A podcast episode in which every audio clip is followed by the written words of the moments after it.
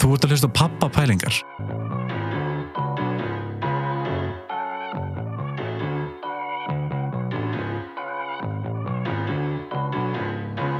Nú erum við þrjú hérna inni og ég er með Söru og Sigrúnu. Ég var með þið Sara í viðtali fyrir stuttu, eða Já. fyrir í sumar, var ekki sumar sem, Jú, við vorum. já í vor, Já. akkurat. Við tókum upp part 1 og part 2 Já, og rættum einmitt um að fá Sigrúnu sem er hana, með mýru og markþjálun, ekki rétti mér. það passar, Já. jú. Og þannig ég ætla að byrja á þér Sigrún að hvort þú getur kynntið inn, lef fólki svona að heyra hver þú ert, hvað hún kemur og svona liftu kynninga eiginlega. Bara að þú ert að fara upp á 30 stæði. Æ, ég er búin að taka þar margar, ég er mjög erfitt með þar. Um, Já, svona í, kannski í heldina ég er hérna náttúrulega bara, ég er kona, ég Já. er hérna og svolítið að skilgjana mig og skilja mig betur sem bara mannveru, ég er hérna starfa, ef ég horf starfið mitt, þá er ég þroskaþjálfi, ég er ADHD og einhverju markþjálfi og ráðgjafi og vil telja mig vera svolítið aktivist á því sviði. Ég er drifin áfram á hugssjónum en á sama tíma þá er ég þroskaþjálfi, þannig að ég starfa í kerfum en ég, þar starfa ég með fólk bara á öllu lífskeiði uh, í grunninn þá er ég búin að læra alls konar ég er jógakennari, ég er pranayama kennari og, og líka jóga nýtra kennari sem ég alveg elska mikið ég er sem sagt núna 1. september þá fór ég í fullt starfi í eigin rekstri og svo reykjum ég eiginmanni mínum sveppjóka sem að er jóga nýtra Já. þannig að já, tveggja batna móðir uppkona drengi 28 og 25 ára ok. á hund og Já. hérna er búin að búi 30 ár í hafnafyrðar sem ég ætla aldrei að vera Nei, mittið, mittið. og það er í lífskeiðasetri regi mitt fyrirtæki Já, þú ert í lífskeiðasetrunu, Já. einmitt. það er Akkurat. dásamlegt samfélag Já, fólk sem er að lifta öðrum upp og valdefla akkurat. Ég myndi segja að þetta væri bara mjög góð kynning á þér og einmitt, ég er búin að vera að kynna mér þig svona á samfélagsmiðlum og, og googlaði og, og svoleiðis og einmitt teki eftir því að þú ert búin að vera að gera heilin helling, búin að vera að læra heilin helling tengt ATOT uh, tengt því að hjálpa fólki eins og segir, þú veist, jóka, nýtra svo sagði ráðan, hvað sagði, pa, pranayama, pranayama þetta er innan Já. jókafræðana að þá er þetta, þetta er, sem sagt, tengt öndun Já. þetta eru og svo fór ég í jókanámi núna í hérna, klárað síðast ári, Já, ég ætla að fá að segja að það var erfiðasta nám sem ég farið í ok, en á sama tíma alveg frábært að ég er, ég þarf alltaf að læra hlutina til að eh, geta tilenga mér á nýta fyrir, fyrir aðra Já. ég kannski bara byggi það sem ég er að gera og er að styðja við að fólk upplifu sig örugt og þaðan getum við lært akkurat mm Mhm. -hmm. það er góð setning. Já, og svo ég er með hugrana atfellismeðferð líka Já, einmitt, og eitthvað meira ég mann það ekki alveg kannski nei En hvað var til þess að fórst þess að leiða þannig að vinna með fólki og hjálpa fólki og Já, góðu punktur já, Það eru 19 ára gömul, er ég að baksa í framhalskóla, um, var í FB, ótrúlega gaman og ég eitti miklum tíma í reikherbygginu með öðru góðu fólki. Um, ég upplifði að nám gæti verið skemmtild að ég hafa áhuga á því og mér gæti fundist hlutir eins og eðrisfæði frábært þegar ég fekk áhuga á því en það var margt sem var að tröfla mig, ég hætti 19 ára Já. og fór með vinkunum minni að vinna á Kópáshæli. ok Ég er orðin svolítið, hana, nei ég er ekki öldruð en ég er, ég er 89 þegar ég vinn á Kópáshæli alltaf að taka ás frí og það er ekkit aftur snúið. Þar byrja ég að vinna á atfættismótunandeld og var að vinna með það sem þá var kallað. Eh, Erfiðistu bara skjólstæðinga mm. eh, á þessu sviði voru, það voru að horfa á hegðun. Ég hlýna á kvennafangir sinni, er þetta ekki þar? Jú, Já, já, og uh, þar var líka uh, er upphaf þroskaþjálfarnámsins já, ok þannig að það var gestusýstra sem var þannig að ég kem úr viðþórum sem að þar var verið að styðja við fólk en á þeim fósendi sem hægt var þá og ég vann þess að þessari deild og ég er fyrsta konan, við vorum tvær fyrstu konuna sem fórum á ákveðna vakt þar sem að við vorum að vinna með uh, einstakling Kalkins sem að hérna átti já, var með mjög erfiða hegðun uh, ofbeldis hegðun og þarna fann ég mig Já, magna ég vildi tryggja, já og hérna, Þannig Nei. að byrjaði bara ferlið Já. Já, ég farið á Arnarholt ok, Ég hef búin að vera uh, vinna í á heimilis, heimili fólks, ég hef verið bara, ég hef verið allstar já, Sta, það sem eru starfstengt, ég bara já, nefndu það, ég ég ætla ekki að fara og langt út nei, í það nei, allt í góðu Ég var nátján ára í grunnskóla Ég Já. bara, já, Vá, ok, þannig að hana, ég mitt byrja, ég mitt sjálfur hana, eh, tengd og redda með vinnu hana, á gamla kópásælinu, er ég var það? úlingur sko þannig að hann að manna að heyra einmitt, Já. þannig að ég kannski hef kynst einhverju, fengi eitthvað svona hann að bragð að því hvernig það er þarna Já, en já, það er alveg rosalegt að, já, ég gleym ekki þegar ég labbaði hann inn einhvern tímann ég hugsaði bara, já ég, ver, ég ætla bara að vera hér, ég ætla bara Já. að láta mig hafa það já og þetta er mest þroskandi sem ég hef gert held ég Þetta þroskaði mig um þúsund ár Já, akkurat þetta er, Akkurat. ég mann skilning á manneskunni einmitt akkurat og ég segi þetta einmitt úlinga dag og veist bara best sem ég geti gert er að byrja að hjálpa öðrum og hjálpa sjálfum með eitthvað leiðinni Mhm. í raun og veru, þú veist Já. að vinna með öðrum en, en mér finnst þetta að gefa mjög góða yfirsýn svona nokkuð veginn hver, hver þú ert í grunninn upp á 30 stæðið í liftu ræðinni við erum komin upp á 30 Ég stæðið er mjög loftrætt sko já það, ok, það fyrir við niður aftur kannski er bara leiðin niður þá já, og sækjum Söru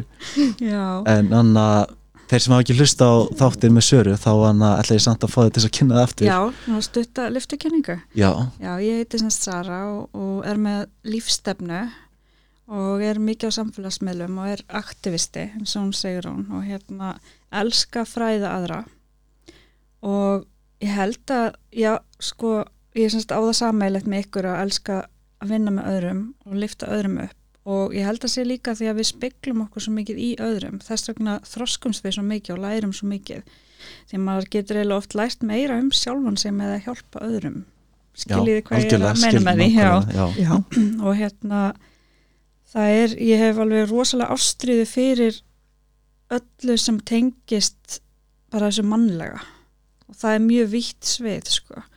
ég hef svolítið farið mikið inn í ADHD og einhverfuna og, og bara, sem reynda líka bara geðhelsun almennt og það er bara þetta mannlega mér finnst það bara svo áhugavert og ég hef líka unnið alls konar mismöndu störf, unnið í félagstjónustu og ég tengi svolítið við það að ég- mér, lang- mér finnst gefandi að vinna með fólki sem að sko á svolítið erfitt Mm. þú veist, æ, já, ég veit ekki alveg hvernig ég orði ég var svona hlustans á ykkur og það er svona að þið tala um erfiðasta hópin, mér finnst það einhvern veginn kannski að vinna með, þú veist, fólki bara sem að að ég er að leita af orðunum Já. núna bara fólki sem, þarf hjálp já, akkurat já, það er alveg fólk sem á það ekki við akkurat bara við erum á ólíku lífskeiði Jú. lífslaupi og Jú. hérna uh, maður er bara mikið að vinna með það þú veist, á einhverju tíðanpunkti þurfum við sjálf líka stuðning, já, aðstóð já. þannig að maður er að reyna að vera á þeim Já. staða sem maður getur stutt við aðra Það er náttúrulega þessi hópur sem samfélagi talar oft um sem jaðarhópa. já, Mér finnst það söndum svolítið sk- þú veist, skrítið að tala um jaðarhópa en það er alveg, þú veist, en það er samt alveg auðvitað bara er það aðri samt hópur. raunin, sko, þetta eru jaðarhópar en já, það er ummitt það er hópur í samfélaginu sem er bara Já. falinn eða Já. svolítið svona Já. ósynlegur líka já, Já. en ég held að það snúist kannski líka um að, að þeir hópa sem eru jaðasættir, mhm, þeir sem að mögulega hafa rödd já, að þeir uh, geta tjáð sig og, og lift upp uh, sínum hópi eða, já, ég tala það um træp já, já, Já. uh, en það eru hópar og, og þeir hópar sem að um, við þroska þjálfur komum mikið að eru oft hópar sem að hafa ekki tækifæri á að valdefla sig innanfrá uh, já, þrátt fyrir að tilera líka kannski jaðarsettum hópum en Mm. það er mikil valdefling þar í gangi já, já, og stundum uh, úst, það er líka breyður hópur það er alls konar Já. róf þannig að mitt er aldrei að vera að styðja við fólk með því að þvinga það í eitthvað því að þetta á að vera Já. valdeflandi Já. ferli það er akkurat, ekki hægt. þau hafa allt um það að segja ummitt, akkurat það. þau fá að velja, út frá þeim Vilja. þroska og já, já, Já. viljum til þess að já, hjálpa sjálfur sér líka í leiðinni Já, algjörlega, en ég ætla einmitt að að þessi þáttur eru svona með svona ADHD þema mm -hmm. og sko, sem er eiginlega frábært að ég er búin að vera ég, ég er greind með ADHD og við hefum öll samilegt en að vera greind með ADHD er það ekki rétt í mér jú, já, jú, ég greindist 46 ára já, Já. ég síð greint Sí, já. já. já, ég Akkurat. líka, ég var 30 ára þegar ég greindist með ADHD Akkurat, og þetta er einmitt það sem við anna, langar svolítið að ræða, akkurat eins og við rættum mannis annað Já. þættum okkar Já, að við vildum fá þig, segir hún til þess að þú veist, ræðum sko, að því ég er rosalega ástæðan, f- mér, ég hef mikið áhuga á aðtjátti yfir höfuð eða Já. bara hegðun líka og, og, og hvernig manneskan er mm. en þetta er svo þægilt að því ég get tekið við getum öll tala út frá persónleiri reynslu Já. og síðan var ég gaman að fá að heyra frá þinni líka reynslum í starfi já, og, og þínu líka að því ég hef aldrei starfað raunverulega með eða sangant eða einhverju tengt aðtjátti ég hef bara þú reynt að hætti það ég hef bara reynd að skoða sjálfa mig hvernig ég Já. virka og verið Já. afneitun eins og ég sagði í Já. byrjun verið afneitun bara nei, þetta er ekki ADHD, þetta er Mhm. eitthvað annað þannig að mér langar bara að byrja að spyrja bara hvað er ADHD? Ok, mér langar kannski fyrst að fá að nefna þá hvernig ég eh, kem inn í það að geta sagt að ég starfi með fólki með ADHD. Já, Ég, ég, var- hérna, ég á þ- átti 32 ára starf saman sem þróskaþjálfi ok og hafði unnið í grunnskóla, eh, já ég vann í 18 ár, þar vann ég með aðalega unga drengi, mm, alveg bjúlingastig sem að voru með ADHD, einhverfu og svo aðrar fylgiraskanir. Eh, Þegar ég greinist með ADHD þá vissi ég afskaplega lítið. Ég vissi um allt það ytra, eh, hegðun eh, og hvernig viðkomandi svaraði því að vera í umhverju sem að henda ekki og hvernig ég gæti gert það þannig að, að við komum til liðið betur og hefði meiri möguleika. Eftir að ég fór í nám í bandaríkjanum í hérna, hana, ADD Coach Academy þar sem ég tók framhansnám í ADHD markþjálfun sem er sérhæð markþjálfun Já, um, þá get ég uh, kallað mig og unnið út frá því að vera að vinna beint með ADHD ymmit það, og ég finn núna að það er grundvallar munur á því okay. að vera ADHD coach eða vera venjulegu coach Já, En venjulegu coach er alveg að vinna með fólki sem er ADHD. Ef að þú ert að vinna já, já, á syðlum, þá ger ég ráð fyrir að mjög margir þar séu með ADHD. já, já Það er alveg Þannig að bara meiri Þú hluti. ert að vinna með þeim, já, Já, nú skil ég, já, Já, já, að nú því veitum að- hvað það tala um Já, já, já, akkurat, ok. ok. já, því það er Já, hópur. Já, já, já, Eh, afleiða ADHD er Já. ofta að maður leiðist út í hluti sem að maður ætlaði kannski ekki að gera. akkurat Eða í, nákvæmlega. Akkurat. já, í neyslu annað. Einmitt. já, Einmitt, akkurat, já. En þetta var, þetta var góða punktur að þér, akkurat. Þannig að, hana- já, fíkn er algengari hjá ADHD fólki já, það er alveg góða punktur. Mér finnst það einmitt, akkurat. Og akkur er þá, anna, ég talaði einmitt um dópamin og anna, Já. Mhm. anna leitin að því. Mér Já, finnst- Hvað, akkur er, er verið svona mikið að leita í að leita í dópamin og þú veist, mm mm. henni hefur segið þetta með aðeins að kalla það dópamin. Hvað er annar orðið yfir þetta? Leiti, Um, já, Já, ef við horfum á sko, ADHD, uh, skilgreiningin er, þá er ég að tala út frá klíniskum viðmiðum já, og þá er talað um að ADHD sé tauga þroska röskun. Þannig það er röskun á einhverjum uh, tauga þroska Já. sem að er í heila og ég ætla alveg, ég er að tala um þetta á mannamáli af því Já. ég er ekki neitt tauga lífélisfræðingur að það er röskun á starf sem í framheila sem að er hérna, heilin sem að hluti heilan sem þroska síðast það talaði um að við heilin þroskist frá toppi og upp þannig að þroskaskeið frá fæðingu er svo Já, fram já. að, framheila sem að svona í einhverju á mannamáli er eh, framheilin er það sem gerir okkur að vita borti mannesku já. að mann, það er svo þáttur að geta framkvæmt og fyllt eftir hlutum og forgámsað uh, og haft uh, sjálfstjórn uh, við getum skipulagt okkur við höfum ákveðna tíma sína eða stjórn en það er roskun á þessu sviði á heilastarsaminni já, já, þannig að uh, við erum með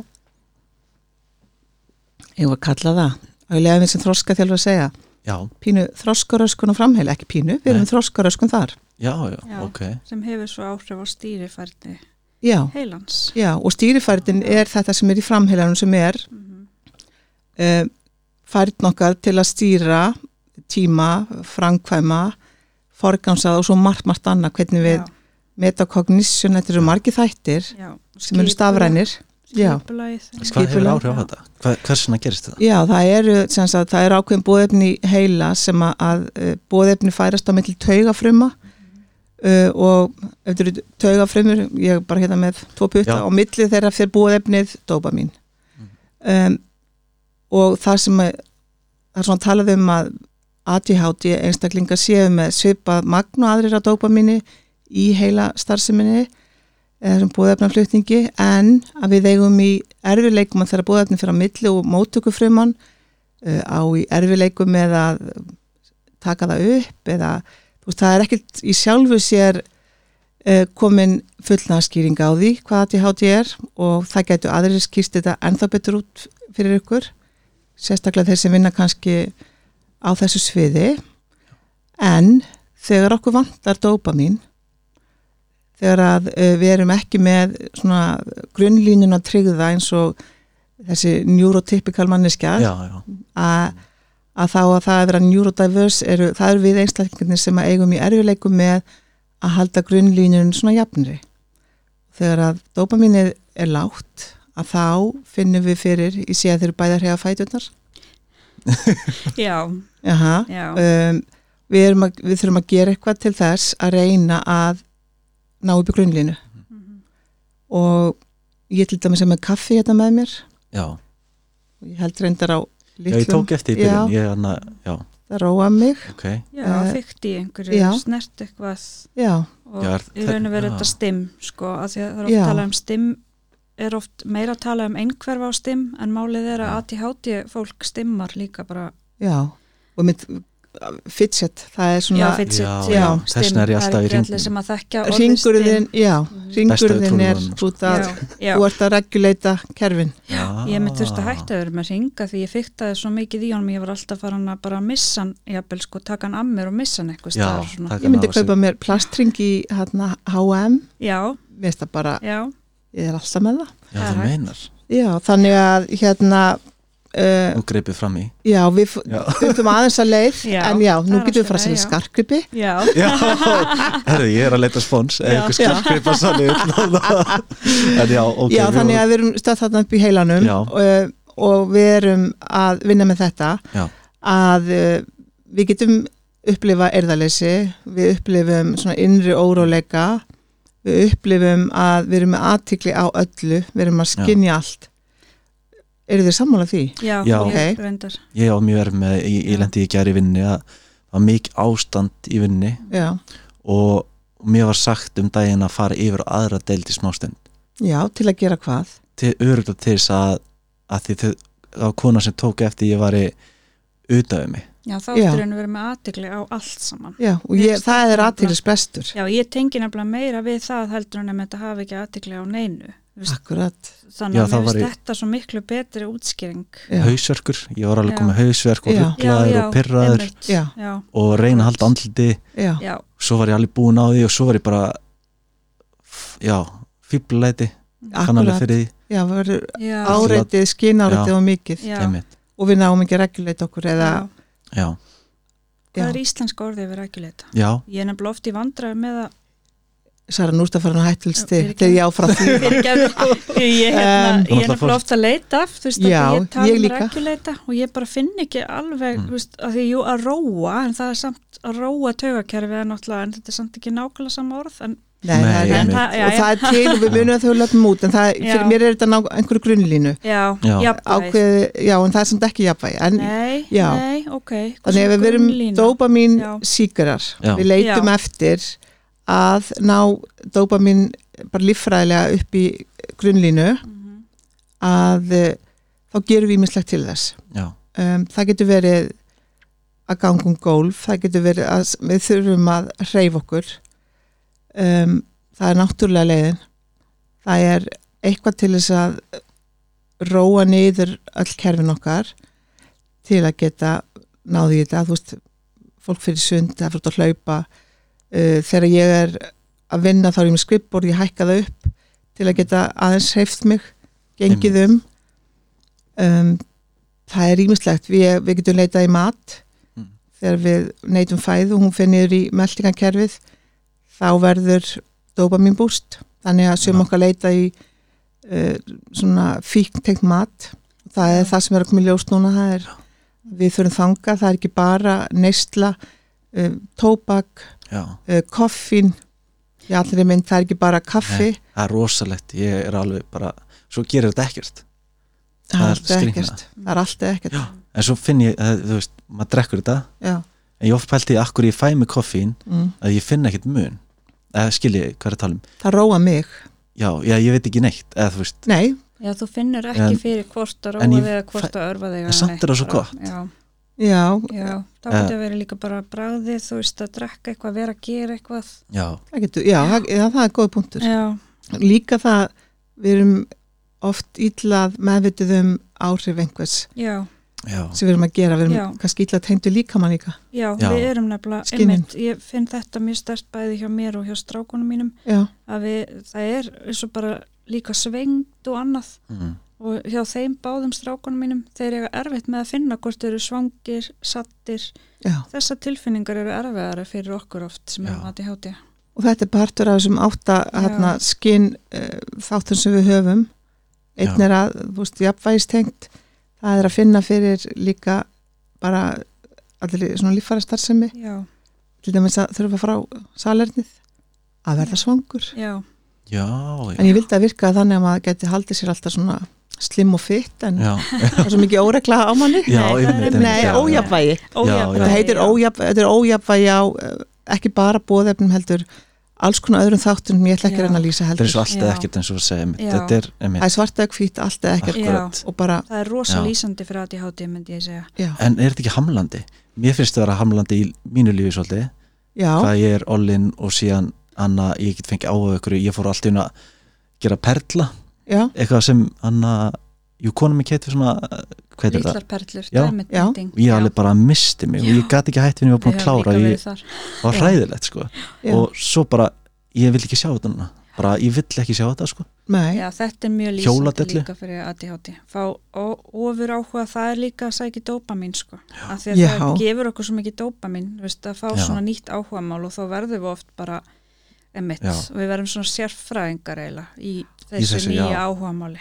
já, og það En svo kemst ekki missum við annað áhugann, Já, já, svo kemst missum ekki við þetta náðum og engin tröfla nei, Já, og eitthvað svona en já, þannig er við hyperfókus já, og Já. þarna er, hann geta undurgest ef Já. við erum að gera hluti sem að þarna hafa ávinning fyrir okkur en einmitt eh, að sitja og perla þú veist, tímanum saman eða púsla tímanum saman eh, ég fann ekki, og við já, komumst ekki í vinnu eða það getum ekki sint börnunum, það er kannski láti mig vera Já, láttum við vera, en það er á þessu sviði sem að við verðum oft líka sérfræðingar í hlutum og já, komumst langt með hluti mm sem að aðrir ná ekki.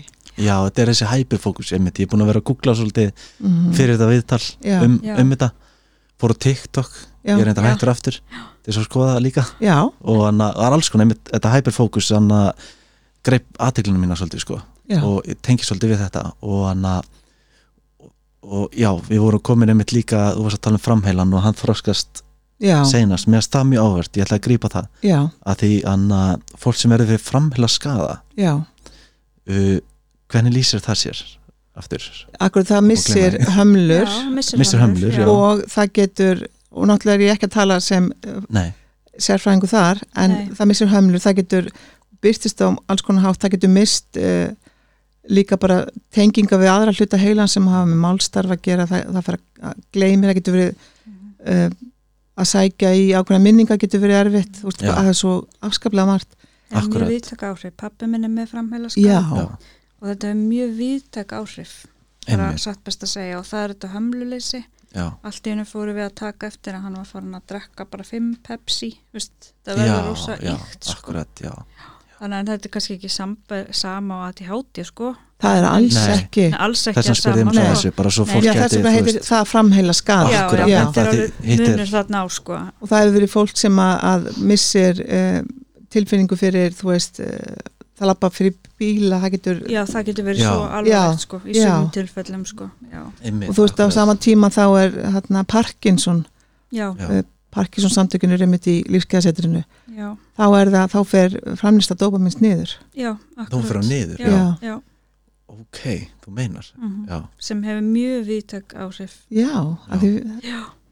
þannig að fyrir mér að skilja að þetta sé líffræðilegur uh, uh, þetta er öðruvísi líffræðileg hérna, starfsemi Já. ég vill ekki nota orði röskun ok að því ég er að reyna, Já. það, það er með röskun þýðir að það sé að maður sé eh, jaðarsettur eða maður sé að sé eitthvað að manni ok, ADHD getur verið gífulega hamlandi en ADHD getur verið rosalega styrklegi akkurat já, og þar er það er margt til, þú veist, þegar að vera að greina ADHD þá fer maður og hittir sérfræðing sem að er sérmentar og því svið að greina það eru sálfræðingar sem er að greina og fara eftir ákveðnum uh, greiningaviðmiðum og þeir vinna gott starf þegar þú fara staðfestingu á greiningu Mhm, þá er búið að staðfesta hvað kemur í ljós, hvað er að þér akkurat, já, hvaða akkurat, þættir já, það eru sem eru hamlandi og hamla daglegt líf já, og við fáum greiningu ef að það er hömlun á okkar daglegum lífsgæðum einmitt og svo akkurat, getum við farið til geðleknis og það er aftur klínist Mhm. en ég er ekki að segja að, að það báðastjættir eru að vinna frábastarf og Já. þau vinna svo að því að líka að vinna með fylgiraskanir sem að tengjast já ADHD. þessar mikilvæg punktur, þess vegna hana fannst mér svo áverk hvað það væri til eitthvað sem heitir hana ADHD coach eða markþjóli Já, þú veist að ég, mitt, ég akkurat sem þú ert að segja með greiningaferlið já, þá, er- þá einmitt kemur upp bara já þetta útskýr akkur ég er svona já, en ekki í, í staðin fyrir þetta útskýrir akkur ég er svona já, og hvað ég get gert mikið að því ég er svona þú veist Já. ég fekk aldrei þessa kvartningu til þess að ég veist að bara já þessina hann að drakk ég svona mikið þessina fór ég eitili og, og þessina var ég vondu við þessa mannsku og mm. Mm. þessa, svona og svo framvegis ég fekk ekki Já. þjálfun í að vera með ADHD Nei, það er einmitt Það er að- já. einmitt svona annarsvið sko. já og það er, Já. það, það er ástæðan fyrir að nám var sett á laggirnar eh, fyrir rúmum 20 árum já, og eða, meira, þetta, er- þetta er sett á laggirna bara á mjög svipun tíma og hérna, International Code Federation sem eru hérna, alþjóða samtök markþjálfa sem að eru með vottun Mm. að hérna faði markþjálfunar hann og uh, Dr. Nett Halovan sem er þekktur ADHD guru, þetta er Ok. okay. eina rockstjórnunum í þessum trúabröðum já, já, einmitt, einmitt ok, í bandaríkjana Já, uh, hann og, og David uh, Deagira sem er skólastjórun á náminni mínu já, þeir setja saman uh, þessar hugmyndir. Það sem að gerist þarna er fólk far greiningar, það er klíningin hún greinir og meðferð. já, Fólk fyrir til lífið, uh, sumi ná ekki að halda utan um lífagjöfina, gleiminni eða það hún er ekki að virka en þeir ná að fara að styðja við það Mm. svo vantar einhver til að fylgja mann áfram til að Já. fara fram á við því við erum ekki að vinna með fortíðina það gera fræðingarnir þar Já, við erum að styðja við og þetta er fræðsla farinni og að vinna með life coaching þess vegna finnst mér einmitt fræðslan svo mikilvæg já, það er svona ástæðan fyrir ég fekk svo mikla ástræði fyrir, ástríði fyrir að fræða um ADHD og einhverfu því við fræðumst, við þurfum að fræðast um allt líka styrkleikina sem við getum haft, hvað við getum gert með þetta og vera meðvituð um hver við erum Vist, hver er ég? Ég er með ADHD, ok en hvað gera það fyrir mig? Þú veist, já, ég verð að vinna við eitthvað sem ég hef áhuga á ég veit það, annars bara dett ég út og góða ég punktur já. bara En ef ég veit þetta og ég veit að ADHD virka þannig að ég verða að hafa mikinn áhuga, þá er ég miklu líklegri til þess að finna mér það sem ég hef mikinn áhuga og vinna með það. akkurat, Þú veist. hvað þurft að gerast á undan til að þú getur fara að leifa þér að, einmitt, einmitt að- að vera þarna Já, þá er mitt er þannig það þekkingin þín Já, það er þekkingin. Það er Á. nefnilega það sem er. Mér finnst þess að finnst mér þekkingin svo mikilvægur partur í þessu. í svo sammálaðir Já, og, og ég hérna og ég get sko ég dásama þetta samfélag sem búin búið til Já. því að þú ert að fræða á almennan hátt fólk til þess að fara í valdeflingu já, ég er Punktur. að reyna að gera Akkurat. fræðslu aðgengilega. þú ert að gera það, Já, bara ekki ég taka er, ég er að reyna. gera það. Já, Ég er að gera það. Já. algjörlega, algjörlega Fræðsla á að vera aðgengileg, finnst mér. efnið hennar Söru, ég nota það Já. í fyrirlestrar mína og ég benda á hana því að hún er, hún er talsmaður svo margra innan þessa þýðis þannig að bara, já, gerir maður Ég- meðvitaðan einmitt um, það, það er þessi meðvitund því að Já. þegar þú ert meðvitaður já, Já, þá ertu tilbúin að skilja akkurat styrkleikana já, getur Þú ert líka... með röskun. Já. þá ertu bara jáðarsett Já, Já. en það, það er segna sagði ég áðan þegar ég talaði um jáðarsetta hópa því það er, það er orðið svo mikið í dag, það er aðeins verið að taka út alls konar orð og breyta orðum og svona mér finnst það svo áhugavert já. og þetta er mjög flókið, ég skil alveg að mörgum finnst flókið hvaða orð má nota og ekki og, og ég myndi kannski ekki segja má ekki og má nota, við erum Rétt. bara aðeins að læra við erum bara að þroskast já, og, og mér finnst líka bara leiðbina, þú veist hans að pæla í að því að orð eru svo stór er ég með röskun eða er þetta einmitt, að því að núna er rosa mikið verið að taka út orði röskun bæði Já. einhverfi og að ég hátja Mm. mér finnst þetta svo góða pælingar já, Já, bara eins og líka með þá sem er í námi. já, Uh, ef maður er raskaður, ef maður er Já. látin inn í fél, inn í nám, ef maður velur sér nám já, sem maður er ekki að uh, henda manns eigin uh, lærdomsaðferðum. já einmitt, Já. En núna þegar við erum fullorðan getum við valið, í grunnskóla er það bara skólaskylda, Já. núna getum við valið okkur nám Já. út frá hver við erum, já, af því að við erum komið með þann þroska, já, með þess að heila þroska. já og sem betur fyrir er þetta aðeins að koma inn í grunnskóla meira Ó, já, já, já. og meira meira val og eða- hérna, já, bara meiri meðvitund og það eru rosa margir kennara sem hafa haft samband við mig og mjög margir Já. hafa nota efni frá mér inn í grunnskóla og Ó já, þannig að ég, mér finnst það frábært sko. og Sem er geggjað, nálgunin já. er að breytast aðeins þarna með, Akkurat. já, við getum bara að tala um að það er aðeins verið að horfa meira á fjölbreytileikan tók þetta fólk með tilfinningar á hann já, er þetta eitthvað Það- sem er til dæmis annað sem þú ert að fara með inn í skóla sem Er hægt er að þetta- fara með inn í skóla já, það Já. er hérna hafa alveg þó nokkur skólar keift tilfinningarækbúan ok, og þetta er rosalega góðu leiðavísir fyrir fullorðna að vinna með börnum til að læra um sjálfan sig Já. sem sagt börnin að læra um sjálfan sig og reynda mjög áhugaveru punktur bara þó að einn kennari hafði samband við mig um daginn og hún var að nota hann í mikið tungumólakenslu já, það fannst mér mjög áhugaveru punktur og mér hefði aldrei dotti það sjálfu huga að einhver væri að nota þetta í tungumólakenslu mér finnst það nefnilega bara mjög rökrétt. já, þegar Af hún því að, sagði það já, af því að mér finnst líka að því að þetta heitir regnbógin, já, að því að tilfinningar eru litróf já, og það, það eru fjölbrettar eins og, já, og maður tala um fjölbrettilegan, já, akkurat það er ekkit allir sem að þekkja litróf tilfinningana Nei, og það er til raskanir á því sviði. Já, það já, er rétt. já tilfinningar raskar Já. eða eitthvað svolítið svona Ég bara- Heyrðu, já. það heitir Já. á ennsku, ég kann, þarna kemur við okkur vantar oft svo orðið í íslenskuna Alexið maður Já, er ég að segja Já. rétt á ennsku já, en ég er ekki með orð beint yfir það á íslensku svo ég er búin að vera að reyna að hugsa sko, orð þetta kemur úr uh, hana, mikið tengt einhverju já, rófinu já. fallega það er rétt og hérna það er að koma svo mikið af ég vil kalla þetta að því ég er alltaf að tala um mannamáli já, uh, Einmitt. þetta er svona prófílar til að útskýra já, akkurat, já, uh, eins og RSD hérna í ADH-inu og Já. svo yfir í einhverjuna já höfnunar viðkvæmni uh, já það er það Mhm, þannig að og, og þessi prófíl eins og þú ert að nefna mhm, tengt, eh, mhm. þetta er svo margt Þetta er svo margt þetta er til sko. að útskýra landslag Þetta er þetta mjög góð punktur af því að þetta eru prófílar. Svo er náttúrulega með, þú veist, uh, nú, he- ég hef talað um heiti PTA-prófíl í einhverfu en Já. núna er ég búin að vera að lesa um að það e- eigi bara í líka við oft í ADHD.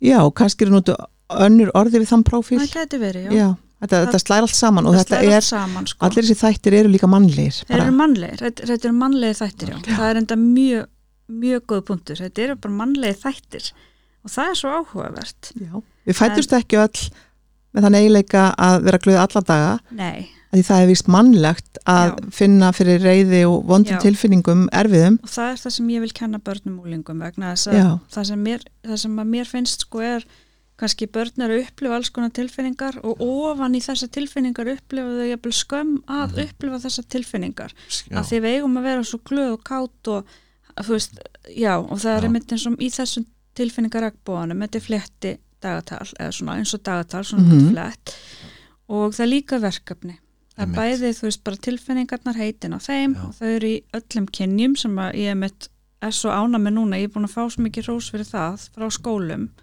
af því að þá er hægt að nota þetta tungumálakenslu líka meira mm en það eru líka svona verkefni sem eiga að vera mjög viðránlega fyrir börn að gera ymmit, akkurat sem er frábært að því þú veist Já. að geta sett hana uh, já, á- svona uh, merki á tilfinningarnar eða þú veist, Já, einhvern veginn geta orðin bara orðin, finna já, orðin á já. tilfinningarnar er alveg akkurat eins og dóttir mínum þetta er meira stóra tilfinningar Sá- Já, rosalega stóra, já. sjö ára Einmitt. og þú veist hann að, að bara hún geti einhvern veginn sett, já, orð á þér já. myndi hjálpa svo mikið, sko já, en þetta er eitthvað sem geti til dæmis hjálpað já, akkurat Og geta varið að frá því að vera bara alltaf bara reyð Akkurat, já, en það getur einmitt. verið að maður er reyður að því að maður er vondsvikin Ah. eða maður Já. er leiður Já, akkurat Þetta er, það er nefnilega Já. akkurat Já. sem að ég var að hugsa líka bæði með þessu og með Mhm. tilfinningaspjöldunum að geta sett hans saman, þú veist, farið hans dýpra. já, Já. Af hverju er ég reið? Mhm. Er það því, er ég bara þreytt í dag? Já, Er það einmitt. þess vegna sem ég verð reyði við þessu? Eða Mhm. er ég vonsvikinn? Er eitthvað, þú veist, hvað er að bak við það? þá færðu dýbra Þá færðu ferðu betri dýpra. skilning Já, eftir meðvitaðari Já, Hver og er við samt- með Já. ADHD afsakið, Nei, nei, erum afsakið, með mitt já. eins og við vorum að tala um Akkurat. áðan, oft með mikla tilfinningar og þess Já. vegna er þetta svo rúsilega mikilvægt þetta er bara partur af þekkingunni sem við þurfum að fá fyrir okkur sjálf reguleita tilfinningarnar já, Já, Já, maður er þetta, nákvæmlega ég held Já. þetta var svolítið mikið einmitt Já, að reguleita er nákvæmlega. akkurat En hver er það munurinn á þú veist, engjunum ADHDS og ofurni, er þetta sama ADHD og ofurni? sko þa- Þetta er þarna sengur hluturinn ef við horfum á aftur fjölbrytileika Já, þú veist, eh, við tölum um einhverju róf já, já, uh, og þar eru alls konar skilgreiningar í gangi bæði klíniskar og svo er hópurinn sjálfur að skilgreina sig á allan hátt Já, og eins og þú sagði Sara við erum svolítið að gefa okkur leifi til að skilgreiningur eins og okkur langar já, við getum verið tvær hérna uh, með ADHD, þú talar um STEM, ég tala um FIDSET já, En- akkurat og það þýðir ekki að það sé rétt að rangt heldur Já. við erum, að, við erum orðið yfir það Já.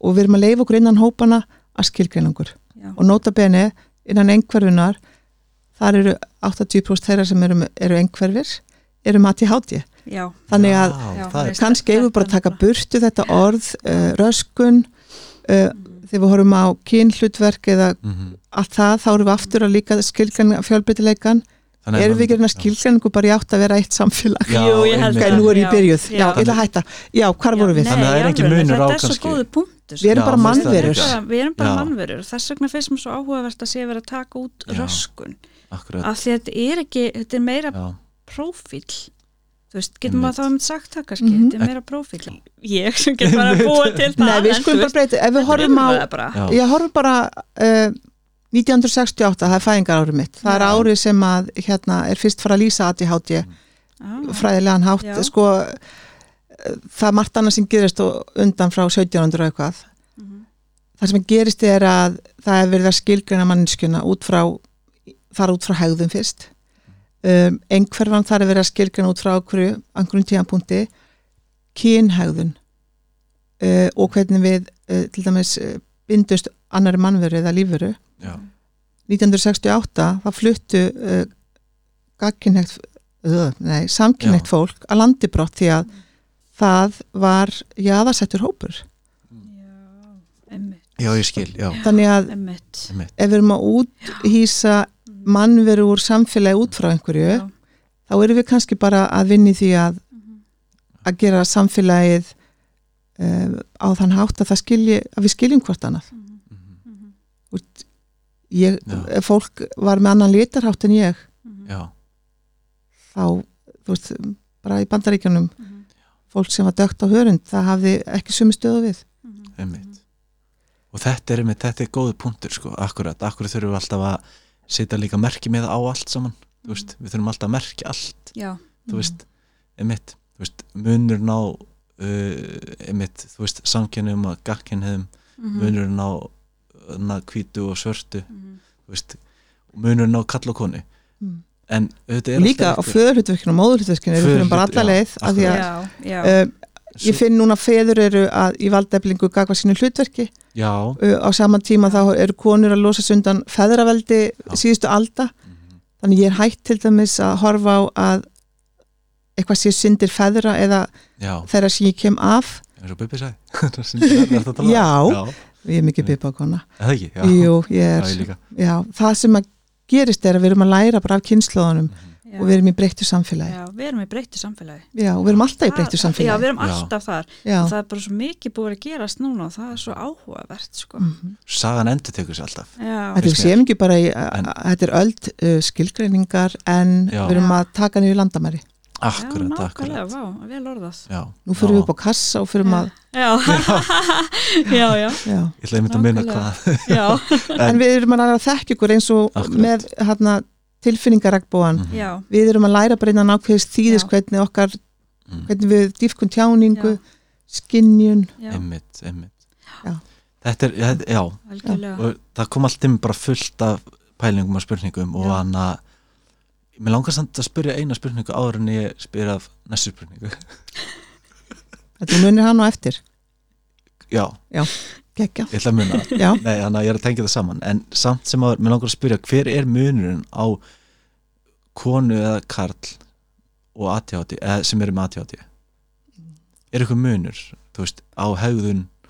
konur eru náttúrulega falleri, nei, djók, ég er að djóka. Munur, um, líffræðilegu munur er mikill. Já, Þá horfum við aftur á bara venjulegu lífurina. ok, um, karlmenn eru með hormonakerfi sem að keirir mikið á testasteróni já, ég er Og- stilla. það er að gera okkur tilbúin það gerir karlmannin Já. sem að, þann sem er með uh, testasterón tilbúin til þess að uh, afla uh, næringar fyrir fjölskylduna uh, hann átt að ráðast á dýr á einhverjum sléttum og Já. fara á sjó og, og að gera allar þessa hluti Já, hlutverk uh, konunar er líka háð hormonakerfi estrogen, progesterón og testosterón og svo alls konar þetta hefur einmitt, uh, það sem við erum að sjá og það sem að var til þess að ég samþykti mína greiningu var að skilja ADHD er líffræðilegu vandi þetta var ekki bara ég var plain stupid eða nei, nei, einmitt. þú veist, bara það fór alveg vitlaus. gegnum, Já, og Hugsanir, það er, já. ég geti rætt við það, það er eitt af því sem að er partur af samtalunum sem ég er að steyðja við, það er að hjálpa fólk að skilja að þó þú hafir átt í erfileikum að þá eru ástæðar oft fyrir því. mm Já, Það er líffræðilega. stýrifærnin, Já. skynjunin uh, er, og, já, Akkurat. Erum og við að þessi tala um- taugaforskóla öskun sem er líka Já. dykslesian, lesblinda, Já. sem er breytt svið. ok, Við erum, að því við erum með aðra taugagerð já, að því að við þróskuðust og þróuðumst kannski að því við höfðum ákveðinum hlutverkum að gegna aftur í aldir. einmitt, einmitt, þannig að þetta er kannski ekki, myndur þú segja þetta var arfgengt, eða myndur þið segja, Myndum við segja? er þetta Eh, arfgengt? Það er búið að rannsaka það já, og tölur segja að í 80% tilvika er þetta ættgengt. já, ættgengt, já, Já. Já, þannig það er ríkjandi það er ríkjandi, Já. þannig þegar það tala um þetta sé að maður þrói með sér, það er líka til. það er líka til, Þá er það enginni ADHD. mm, Fólk Já. sem að fer til dæmis, eh, þú veist það getur verið eins og heila skadi. Já, akkurat. Ok. Já. Já. Það er þá eitthvað bak við það, sko. Já, konur sem að e, eru á breytingaskeiði þegar estrogenið fellur Mm. þær fara að sína enginni þær fara að gleyma, getur orðið Já. skapstyrar Já, alls já. konar, Það er Rétt, en það myndi ekki greinast sem ADHD. nei en þannig að það eru, það getur verið súreitniskortur í fæðingu Mm. það getur verið alls konar sem að, að gengur á því, á því skeiði, Já, einmitt, akkurat. akkurat, það eru þessi 20% 15% það er sér Já. 20%, 20%, og ég myndi, ef ég var sálfrængur þá var ég kannski dý- með dýpri þekkingu á hvað þættir það eru, ég mann það ekki alveg einmitt, Nei, áföll og ADHD, er eitthvað tengið þannig að milli? Það er mikil tenging á Já. milli, Já. mikil. Ok. tíðari uh, út af uh, þessu. Það er út af Tíðari. erfiðleikunum í raun og veru sem að, þú veist, kannski- Já, og líka út af ADHD, engjónum sem eru til dæmis kvatvísi, Já, kemur þurr oftar í aðstæður. akkurat. Við verðum, eh, þessi hópur er uh, oft fyrir batnegnir, Já, Já, af því að það, það er ekkert verið að já, skipulegja eða hugsa fram í tíman. nú, Jesus, Ha! Ég reyndar er ekki, ekki snemt tekur fóreldri, en það er annar mál. Nei, ég er Já, alltaf voða spennt fyrir þessu, ég, ég var Þetta átján var- ára þegar ég Pabbi. átti minnstra. Já. Já. spenntur að vera pappi, Já. já. Já. Mér er svo gaman að heyra fólk einmitt sem að Svo bara er það. fættist og var tilbúið að vera fórið. ég var ekki tilbúin en já, ég er ekki tilbúin all, alls ekki, en ég er einmitt kvatvísin akkurat þetta, en ég er einmitt Mm. Ég var að- kannski bara að hugsa um bara að getna en kannski var hann, í, þú veist, ma- það, já, það ég, er oft að hérna, ADHD einslingum byrja fyrr á Já. alls konar svona hegðun að því það vantar filterinn kannski. Já, ég fylltir já, ég er að fara, á- ég, ég miðist alltaf þurfa að vera sko, allt sem ég ger í mínu lífi verður að hafa tilgang já, það er og þegar við kannski talum svona- um barneignir Það er svo mikið ADHD. er það, Og og ég Á svolítið djúpan tilgang eiginlega. meiri þess að í, sko, Já. ég segi þetta núna bara og hann að meiri þess að kynlíf Já, verður að hafa tilgang já, Já. uh, að fara núna hinga og spjalla við eitthvað verður að hafa tilgang já. ég verð að vita hvað tilgang ég hefa já, eftir Ég líka. og tilgangu fyrir því að fara út í bíl og keira Mm. er þetta bara típis eins og þið segðu bara, er þetta bara Já. Og mannveran er auðvitað drifin áfram að því að hafa tilgang. Mhm. En aftur á móti hef ég svona það sem ég hef kynst er að við höfum ennþá meiri þörf fyrir að allt sem við gerum hafi rosa djúpan tilgang það er svona mín upplifin af þessu allavega Ég myndi spyrja ykkur, ef að maður hefur tilgang, Mm. þá ertu búin að setja eitthvað saman í höfðinu og ert að stefna einhverju. Ef ég hef tilgang, þá hef ég ánæg af því og við erum með áhrifadrifin heila út á búðefnunum. Já, það er svona akkurat Svo missum við Þess vegna- tilfangin þess að Já. maður þurfum við svolítið, já, og við þurfum reglulega líka að setjast neyður og hugsa hver er tilgangurinn Já, við þurfum Svo- að fá þetta rými já, til þess að geta bara ver, virkilega bara sest niður með Já. sjálfum okkur og hugsað hver er tilgangurinn ég þarf reglulega að setjast niður og hugsa hver er tilgangurinn með lífstefnu er ég að ná til annara, þú veist, er þetta djúpu tilgangur, Mhm. þú veist, ég þarf bara reglulega að hugsa þetta upp og nýtt sko. Viðkenningin, náttúrulega já, og- já, auðvitað, við höfum alveg þú veist, allir þarna kem, komum aftur inn á, það er mannlegt já, en við höfum kannski meiri þörf miklu meiri og já, ef að þætti stýrifærni eru ef ég nefni nokkra, að því þú vorst að tala um þetta að vera persistant, já, það er að geta haldið út verkefni já, um, það, ef að, að missi tilgang já akkurat þegar maður er að gera það eitt er að geta farið að stað með verkefni sem er að móti vera sig, já, við eigum erfera með það en ef við finnum tilgang já þá getum við gert allt Mm. þannig að en þetta eru þætti sem við erum í skerði röskun á, Já, það er að byrja á verkefnum það er að fylgja Já. eftir verkefnum, Mhm. það er að skipulegja það er að eiga svona innra sjálfstald sem að þú talar sær um, þú fer inn á við já, hægir á þér já, og endumetur já, gastu gert það þegar þú varst yngri nei alls Akkurat. ekki og ég var alltaf Já, að byrja bíddu. ég, ég fór inn í svo margt ég get bara, þú veist, ég er búin að já, þetta Já. er einmitt, ég, og ég skildi þetta aldrei sjálf mig, akkur er alltaf að byrja ykkur í nýju og ég fór svo all in ég bara fór að selja hörpulæf og ég var bara orðin ég var bara komin með, þú veist, mest selda hörpulæfið, bara punktar í ykkur að ferð og Jesus, þetta er bara maður, svona ég tengi við all þetta, sko. in bara og, Já. og hérna ég er náttúrulega bara, ég gæti farið með ykkur inn á heimili mitt og sínt ykkur bara svona sannanir á þessu þú veist, ég er með bara stórar töskur heima Já. með ilmkjarn og oljum, ég reyndar að elska þær ennþá en ég er ekki að selja þær mm -hmm. Þú veist, þetta, er, þetta er allt svona já, Þegar fólk hafa Akkurat. sambandið þínu þetta er blissi í lífinu Þetta er rosalegt blissið sko og, en það er einmitt þetta með kannski það sem ég er búin að vera að gera núna undan farin ára með lífstefnu er ég finn tilgangin svona djúpan tilgang í því mm. skiljiði, þú veist, þess vegna næ ég með þetta halda áfram í því en ég hef líka fundið fyrir því eins og í sumar því að það gafst bara aldrei rými Mhm. og ég fann að ég var bara komin með þetta svona tilgangsleysis bara ég náði aldrei einhvern veginn að setjast niður og hugsa þú veist, hver Mm. er tilgangur með því sem ég er að gera þannig ég bara svona var áfram í ykkur svona þú veist, mér langar heila að segja zombimót, já, Já, vitið þið hvað ég er að fara þú Já. veist, ég bara svona og ég var heila að vera geðveik sko náður. er þetta ekki er þetta ekki þegar við erum að hérna, ég ætla ekki að nota þetta örmögnina kulnunadæmi nei, maður er ekki að ef að maður hefur ekki rými eða tíma til, tíma til að taka sér til hés og já, leifa sér að vera aðeins með sér já þá brennum við upp það brennum við bara upp sko og það er það þá eins og hjá þér kannski þá þarna einhver verkefni lífsins já, sem að taka yfir akkurat svoleiðis, já maður bara kemst á tínust við aldrei rými sem bara. einstaklingar já, maður tínist, það er einmitt já, Já. tilfinningin sem maður fær að maður Já. týnir sjálfu sér, það er akkurat svona tilfinningin sem maður upplifir Er þetta ekki rosalega, já, vá, þetta er magna Ég tengi við þetta Já. mitt akkurat sko.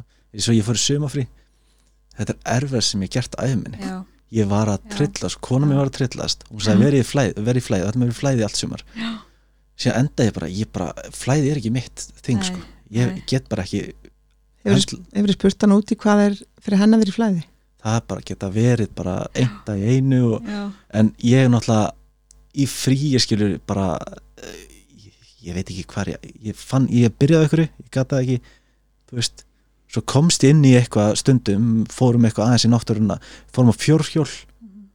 og það var geggjað, Já. skilur þá varst að gera eitthvað var að gera eitthvað, já. dópum einmitt, en svo er En- einmitt örmörn ég ætla að mynda að spyrja, Já. spyrja hann að áður en ég gleymi spurningunni mhm. uh, já uh, hvernig tekur við höfnun höfnun hvernig útskýrið þú höfnun já, ég, persónulega einmitt, það var bara eitthvað sem að bara í algjör einlægni ég þurfti bara nokkur ára að vinni ég var rosalega viðkvæm fyrir höfnun og ég var rosalega hrætt við höfnun alltaf og ég eiginlega hafnaði mörgu mörgum áður en þeir gáttu hafna mér Ertu þá, í- já, já, hafna þeim áður en ég geta var hafna þér rosalega mikið þar þegar ég var ung en hafnar, eins og er, ertu að hafna sjálfur er mögulega stundum Já, maður náttúrulega Þú gerði það þegar maður, ef maður er farin að hafna öðru og öðrum áður en að þau geta hafna manni þá er maður náttúrulega í raun og vera að því Mm.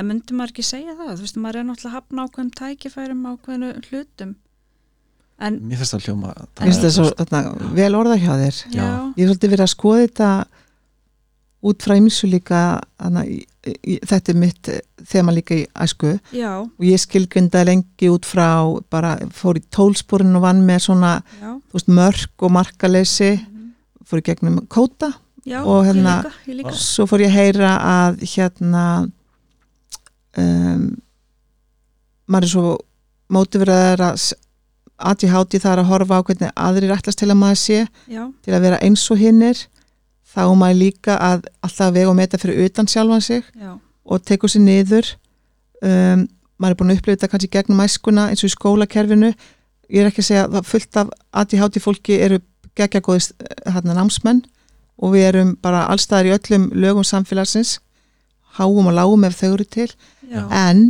ef við horfum á þetta út frá aftur einhverju nýjum prófíl við getum verið að vinna með hann sem meðvirk mhm, við getum verið að vinna með hann með því að vinna með mörk eða markaleysi við getum verið að vinna með þetta út frá einhverjum hugmyndafræðum eða nálgunum já, en ef þetta snýst um að við náum aldrei að vera í okkur sjálfum já, akkurat og ef þetta er líffræðilegur tauga þroska vandi líka þetta RSD, já, Rejection Sensitivity Dysphoria og svo aðstæður í uppbyldi, alls konar já, akkurat Hva, þú veist, Já. ég er að reyna skilgrinda bara sem Já. nýjan prófíl fyrir mig já, án þess að þurfa að vera meðvirkað að hinsegin Já, Skil, án- já. já, þa- þarna kemur einmitt inn á, þú veist, kannski við erum að tala um að taka út ykkur að stimpla, þetta sé bara prófíl, svona erum við, það, það er svolítið áhugavert, sko, en það, fyrir mér finnst mér líka bara þetta sjálfsþekkingin, sko, Já. leðu ég fyrir átta mig á því ég væri svona óbúsla hrætt við höfnun, já, þá fer ég að geta unni með það og, þú veist, og fer líka að geta gripið það bara, bara ok, er raunverulega verið að hafna mér hér, eða er þetta mín upplifun já, þetta er náttúrulega bara sko. og þarna, þjálfunur þarna getur maður svolítið öðlast það að fara frá þessu sko, af því þarna getur maður fengið svolítið frelsið frá að vera að hugsa þetta af því þá getur maður líka jafnvel leiða því sko Mm. í alvörinu tala Já, maður bara svona já. getur jafnvel bara að herðu, vá, ha, þetta var nú fyndin Já. hugsun hjá mér hérna þú veist. já, og það er Þetta að er- koma með ákveð svona frelsi maður er náttúrulega oft með alveg grillaðar hugsanir sko. Já og það, það Alveg, fer endar já. ekki ég held eins og hérna, sko jú það mingar kannski, maður vinnur í sjálfur sér og það mingar en ég held samt að þetta sé alltaf svolítið mikið meira það að bara vera meðvitaður út af því þá lærir Já. Mhm. maður að grípa hugsanir mm við verðum ekki bara, við vinnum ekki sjálfum okkur og verðum bara eitthvað svo fullkomni verur bara sem upplifum aldrei höfnuna því við erum komið svo rosalega gott sjálfströst við upplifum alltaf alveg höfnun inn á milli en þetta er miklu meira fyrir mér grípa það já það er einmitt kannski lærdómurinn hvort sem við erum í tólsporavinnu hvort sem við erum að gera þetta í gegnum jóka nýtra eh, hugranna atfellismeðferð það er hvar við grípum þetta og hvar við getum já, bara að Já. ná þessu rými já, nákvæmlega er þetta ekki að vera meðvitaður að vera í Jú. vitund Jú, að vera í vitund þá eru við konu í jóka þú veist, Já. bara, Akkurat. vil- ymmið Nei, og svo, jóka bland, svo er Já. þetta bara svo að því að mað, þarna kom þú veist, það er svo, maður tala, við ætlum að tala um ADHD Já. og svo komum við aftur inn á það að við erum líka mannleg og þetta Einmitt, helst allt svo mikið saman í hendur sko. akkurat og, og sko er, er anna ég, nú bara spyr ég er, er, er aðjáti og ofhugsun er það eitthvað sem tengir saman já, já að þið meðast að hljóma því á að hlusta líka það bara kemur, svona svo veist, að ég veit ekki Já, það er líka talað um, hef- það er eitt sem að mér, sem að, já, ef ég fer aðeins út í annað, Já. bara eða svona út í þetta, Þetta- samt sem áður, já. já, að það, því það, það er mikið spurt mig um hérna, skilgrinningarnar á sem sagt, að því nú talaði um ADHD með ríkjandi aðtiklisbrest og svo blandaða gerð og fólk er svolítið ringlað á þessu finnst það er verið að fella þetta niður Já, ég var að hlusta á hérna Russell Barkley ok því Það- það, er eiginlega bara svo, en sko, svo fólk er rosalega ringlað í þessu og þarna Já. kemur bara já en ég hef alltaf eiginlega bara tengt við aðtiklisbrestin og af hverju talaði um þetta og ég, já, málið þegar ég fór að læra um sko ég flokkast á með ríkjandi aðdeglisbrest að það er svona mín hamlund, mín hamland enginni en aftur á móti tengi ég svo við ofvirkan huga og hvatvísi í kaupum og hvatvísi í einhverju Mhm. svona öðrum hlutum heldur en kannski típiskri uh, skólabókar hvatvísi þannig að mér fannst svo áhugavert þessi ríkjandi aðdeglisbrestur en hinn enginin eru já en Það- fólk já. er óslega ringlað í þessu svona hvað gerur til þess að, að halda þessu niðri eða ert að reyna það? Er það að meina bara til hátíðinu? Nei, bara kvatvísinni. Hvatvísinni, ha? ha, ha. Þú komst inn á rosa góðan punkt fannst mér, ég var að Já. grípa þig. Eða hva, þessu kvatvísi, Á, aftur, það er meðvitund. meðutund. En ég dætt alveg í það, bara allt í henni er ég búin að kaupa eitthvað og svo bara, Já, vá. En það er reynda sérstaklega, það er, maður án og ekki að segja þetta bara svona upp á því útvarpa en það er hægt að selja mér allt. já.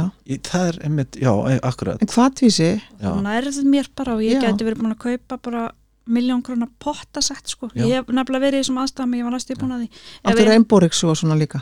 Uh, heyrðu, það var mamma okay. Já. Já, en já, ég er Já. þarna Mhm. samt, jú, það er þetta að selja mér allt og það er í alvörinu frekar erfitt því að þú getur bara, já, ég setti mig á hausinn, sko. ég, það, nei, Já, þetta er í alveg. alvörinu þetta getur verið Já. bara alvarlegt ég er ekki svona Mjög, að þetta er djóka sko, vegna þess grafalvarlegt. að- já, Ég er með gott ráðu þessu já, já ég og var, þetta er djók. Ég hérna, þarf að giftast uh, einstaklingi sem að hefur meiri hömlur Já. Mm. á uh, hvatvísi hegðun, já, já, Já. tengt þessu. já, í alvörinu Já. samt út af því Þetta er nú djók, já. já, en Já, samt, en já, samt, þetta er maður ekkert minn grín, það er í stoppaði alvörinu talað. pottakaupasetti sko, Gerðan það?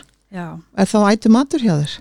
heyrðu, það er ekki valla því þetta var læknastál sko ég var ekki, þetta er alveg, ég aldrei, konum minn er alltaf að tala um eitthvað bóttasett. Já. Ég skil ok. ekkert í þessu, akkur við fáum en ekki bara ég, ég, sko, ég er engin dómar á þetta bóttasett sem ég er að tala um þannig ég ætla ekki að Nei. segja neitt um það sko. en þetta er samt svona eitthvað sem ég, allavega mín skoðun eftir að vera að ég þurfti ekki að eyða jafnverði heils bíls í bóttasett við einmitt, akkurat. Nei, getum að- bara já. sagt það þannig Þegar þú varst meðvituð.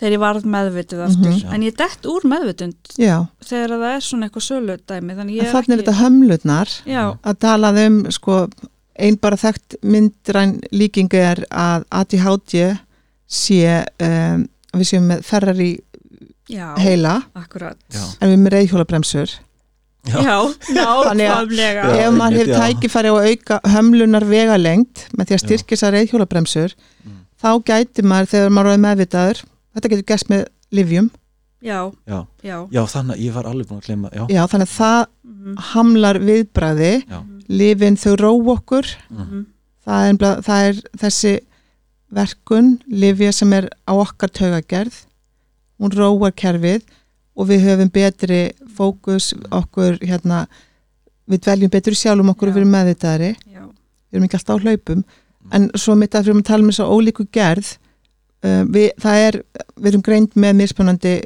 útlit á, uh, eða þemu á þessum prófíl en það er ranns uh, satt, hann var að tala um þetta þessi Rössal Barkley uh, að því vorum að líka við, gleymd- við fórum að leið með hvað verið munur á kalla á konum Já. myndi Já. það allt í henni já, já, emmitt að hérna, já yfir lífskeiðið frá bara æsku og frameftir þá breytist uh, hvað er raunverulega útlitið á eða byrtingamindir ADHD uh, Meina eftir aldri, eða, já, Já. og eftir hlutverkum í lífinu og öðru ok. Já, algjörlega eftir hlutverk já, þannig að ef við förum aftur í konurnar Já. og mennina mennina um testosterón sem að er, þannig þeir eru ég ætla að fá að leiða mér að segja það einfaldari lífverur hvað Meiri það bara- varðar með hormónin, kynhormónin Klálega, já. svo erum við með estrogen, progesterón og testosterón Já, og það er að koma í ljós núna, það er búið að vera svona einmitt, uh, vera að fagna fjölbreytileikanum í hormónakerfum núna, vera að tala mikið um breytingaskeiðið og, og svo líka hvað áhrif þetta hefur á okkur já, að þegar að það sem að við erum að lendi konur með ADHD er að estrogen Mm. uh, þegar verður sveifla því sem er á mánabasis þá er, hérna, eru sveiflur á estrogeninu og það gerist líka þegar við fyrir að breytingaskeiði eins og ég tilheyri þeim hópi, ég vissi ekki á því alveg sko, ég var að breytingaskeiðinu já, að þegar estrogenu fellur og það fellur náttúrulega bara hratt því að þegar við erum á breytingaskeiðinu þá voru undirbúku fyrir að fara út úr hlutverki að ala önn fyrir uh, börnunum og hreðrunu og gera allt sem við höfum gert já. vera svona kering konur og við allt í einu erum það hlutverki búið og við bara dóum mjög bráðulega eftir þetta hlutverk áður sem lífverur. Núna lifum við, alltaf það eru langlífi, þannig að við erum að lifa lífinu án einhvers estrogens og við förum að upplifa, við erum pyrraðar, við verðum, missum svolítið áhuga jafnvel á lífinu, þú veist að alltaf verið talað um svitan, Já. það er líffræðilegt, þannig að þetta er svo margt sem fyrir að gerast og við upplifum sumar, kvíða, þunglindi, það er alls konar sem fyrir að gerast líka þarna. Hvað aldur er þetta? Ha? Hvað aldur er þetta? uh, breytingaskeiðið þeir tala um sko, þegar við erum þegar við erum hættar á eh, þessum tíðarblæðingum já, það, það tala um svona sem sagt, 51 ás er, er þetta svolítið, þá byrjar ok að meðaltali en það getur byrjað mikið, mikið, mikið fyrr og það byrjar oft fyrr hjá ADHD konum uh, við ADHD konum getum erum útsættari fyrir til dæmis fæðingaþunglindi við getum verið með hérna það sem kalla var eh, fyrirtíðaspenna við getum verið meira með kannski líka þessa sjúklugu fyrirtíðaspennu þetta er alls konar, þetta er svo mikið hormónatengt tengt Já. hormónum svo Ég, mikið, já, þannig að þegar estrogeni fellur hjá konum, þá er að koma í ljóst núna, það er ADHD konum sem er á meðferð livjum við ADHD mm. þær fara að finna fyrir minni virkn á lifinu konum sem eru í þessum tíðarhing og eru á livjum, sumar eru það, þær finna að í ákveðnum part í tíðarhingnum þá virka lifin ekki eins vel ok, þetta er mjög áhugavert sérstaklega bara fyrir mig sem kallmar að heyra þetta líka Já. og ég veit að hlustahópurinn er alltaf að vera meira og meira fleiri kallmenn já, já, Já, en meira hlutin frábært. eru kvennfólk og það eru gott fyrir, þetta er mjög áhugavert má ég bæta þá einu inn alveg bara endilega að það sem ég vissi ekki með estrogenið er að estrogenið er með sem sagt, eh, viðtaka víða í líkamanum, ekki bara tengt kynnsvæði. Nei. Það er satt í heilanum eru estrogen viðtakar, þessi viðtakar þeir vinna svo með dópamíninu þannig að þegar estrogenið dettur hvað gerist þá með dópamínið það minkar aftur úr grunnlínu og nú ætlum ég ekki að þykjast vita neitt meir um þetta Nei. Nei, um, þannig að við erum átt okkur á því þegar þetta allt saman gerist að þá fyrir við að upplifa líka að stýri færdin okkar hún verður slakari, við fyrir að vera gleimnar getum orðið krumpaðar og erfiðar já, það er svo marg sem gerist, við fyrir að það er svo marg, bara að það verður að, breyta og, Já. að breytist allt, þannig að það er verið að núna eins og við erum að heyra að tala um að því við erum að læra nýtt, það er verið að setja inn estrog, hérna, estrogen já, og prókistrón fyrir konur já, og sumar eru að fá testast þér hún líka því að já, þær sem að missa það, þær líka að lenda í alls konar sveiflum og líka talandi um pappana já. og karlana Einmitt, já. ég er gift 1-32 ára dársamlegu Já. eintaki ok, og við, erum að, sko- þú veist, og við erum að sjá í þessum hópi já, það fellur líka testastyrun hjá ykkur já, þegar þið eru það á þessu skeiði að það fyrir að minka já að frá því að vera, eiga að vera svona maskjur að vera í þessu líffræðilega hlutverki að Já. venda á eitthvað þetta einmitt, að þið getur verið svona mildari og bljúari og já, Já, hann er nú mikið mildari heldur en hann var í papparhutverkinu, hann er miklu mildari afi. já já, maður hefur heilt þetta Já, þetta er, Já. já, já. þetta er hormonutengt þetta var krakkar. mjög tengt, já spá í þessu, Þessna Vá, hvað heyrði ég- þessi já. fræðsla er samt mikilvæg Þetta er na- magnað, einmitt, mér var sagt eða ég heyrði ekkert mann annað, ég ætla ekki að nefna nafni að neitt hannig, Nei, en að eh, fekk eitt ráð til kallmann að halda áfram að, að nota styrk já, að, ha- að lifta ykkur þungu já, við þurfum að ok. gera það líka. Já. og þið þurfið líka að gera Já. og það er einmitt miskilningur að þú Já. minnst, þegar ég fyrir rektina Já. þá fara allar hlöfbreytti já, já, einhvern veginn, já, eða- einmitt. eða þú veist, eitthvað auðvitað gott að hlaupa og allt það Mhm, en að nýta styrkin, einmitt konur og kallar einmitt nákvæmlega, konur líka, það er mhm. alveg hár rétt ég þér Þú ef að veist. kallmenn eru að upplifa að vera oft leiðir Já. og, og gra- gráti næst og eiga erfitt að þá Mhm. getum við skort testostóran en það er ekki allir læknar sem að uh, aðtúa þetta Nei. sem fyrsta kost þannig að þetta er mjög mikilvægt að s- það er hægt að aðtúa þetta í blóðpröfu ég var líka tengdar tilfinningum mínum þegar ég var í jafnvæði testurum já, ég nefnilega veit um persónulega þú veist, þetta sko það, er hérna, og þetta er nefnilega sko, já, eitthvað sem meðist ekki margi vit um eiginlega. byggjum bara að fa- að bara fara til heimislegin og Já, fara í blóðpröfu blóðpröfu, bara ef það er bara- að upplifa eitthvað svona erfitt, þú veist, stöðugt kannski eins og þunglindisenginni eða svona leiða eða prófa að taka tongadali og sjá hvort að Hvað er það? tongadali, það er svona bara jurt sem Nú er lögleg. lög, já, Já, guð. hann myndi ekki ræða hana hérna. Já, Jú, jú, nei, ég er a- allt, nei, þetta er kólólegt ég bara Já. komið heimdi mín og, það er ég komin sko. nei, og já. ég fann, ég, mér var sagt að hann testaði þannig að Ok. okay. hann ekki hvað þetta er eitthvað tengt hann eins og síng líka þú veist, Akkurat, það, það er þannig ég, alltaf og- gott að vita samt, fara í blóðpröfu og vita Já. hvað það er sem að þá var ég mitt bent Mm. mm. með, með síng og tongadali Já. til þess að hækka hjá mér já, einmitt, ok, þú veist, já. annað eða eitthvað, ég bara nefna eitthvað eða fólk já, spáði mér stið myndið svo gott, þú veist, við fáum svo mikið upplýsingum um alls konar. alls konar já, Þannig að það kannski snýst orðið svolítið þetta samfélagi myndi að, að, að við getum verið svolítið meðvituð, Mhm. uh, reynda að skilja okkur betur. já, Já. já. skilja okkur betur Já. algjörlega, þannig að mér langar líka að ræða svolítið um börnin okkar já, Já, og einmitt börn og ATHT já, og hvernig hann að hvernig getum við verið til staðar fyrir börnin okkar bæði sem fóldrar og líka um bara kennarar eða fólk sem er að vinna um börnum hvernig getur við verið til staða fyrir börn sem eru með ATHT? Þetta það meina að við erum líka með ADHD eða Já, bæði, Já. Mm. bæði og í raun og veru, bæði og þarna hvort- komum við bara aftur inn á sjálfsvinnu vegna þess Sjálfsvinnu. að ég myndi segja að þú ert betra fóröld að þú ert búin að vinna í sjálfinu þér og þekki þig Já, og þekki líka þá þína tryggara Einmitt. hvað tryggara mann í því að það, þú veist já, ég myndi segja það og bara nota líka, ég myndi segja nota líka þú veist, kannski það sem maður lærir til að gera hlutina einfaldari já, ég myndi, ég myndi al, alltaf mæla með ef að fóraldrar með ADHD og börn eru líka með ADHD að finna svolítið leiðir sem geta gert þú veist, skipulagið einfalt og þægilegt fyrir ykkur ekki svona, já, af því þetta það skiptir rosalega máli og það er líka þetta að fara óbúslega óhöfbundan leiðir í að gera heimilið einfaldara og mingallar kröfur, ég segi minga kröfur vegna þess að það hjálpa manni líka bara að vera ekki með allt og mikla kröfur í öllu Ég veit um eina sem að til dæmis hætta flokka sokka, Ég- þetta er mjög svona Já. veist- já. bara En til snýst að þetta um- minnka svona, að minka sko að geta vi- farið frá því að vera að horfa á kröfur annara eða Já. samfélagsins en Mm. sko ef ég byggi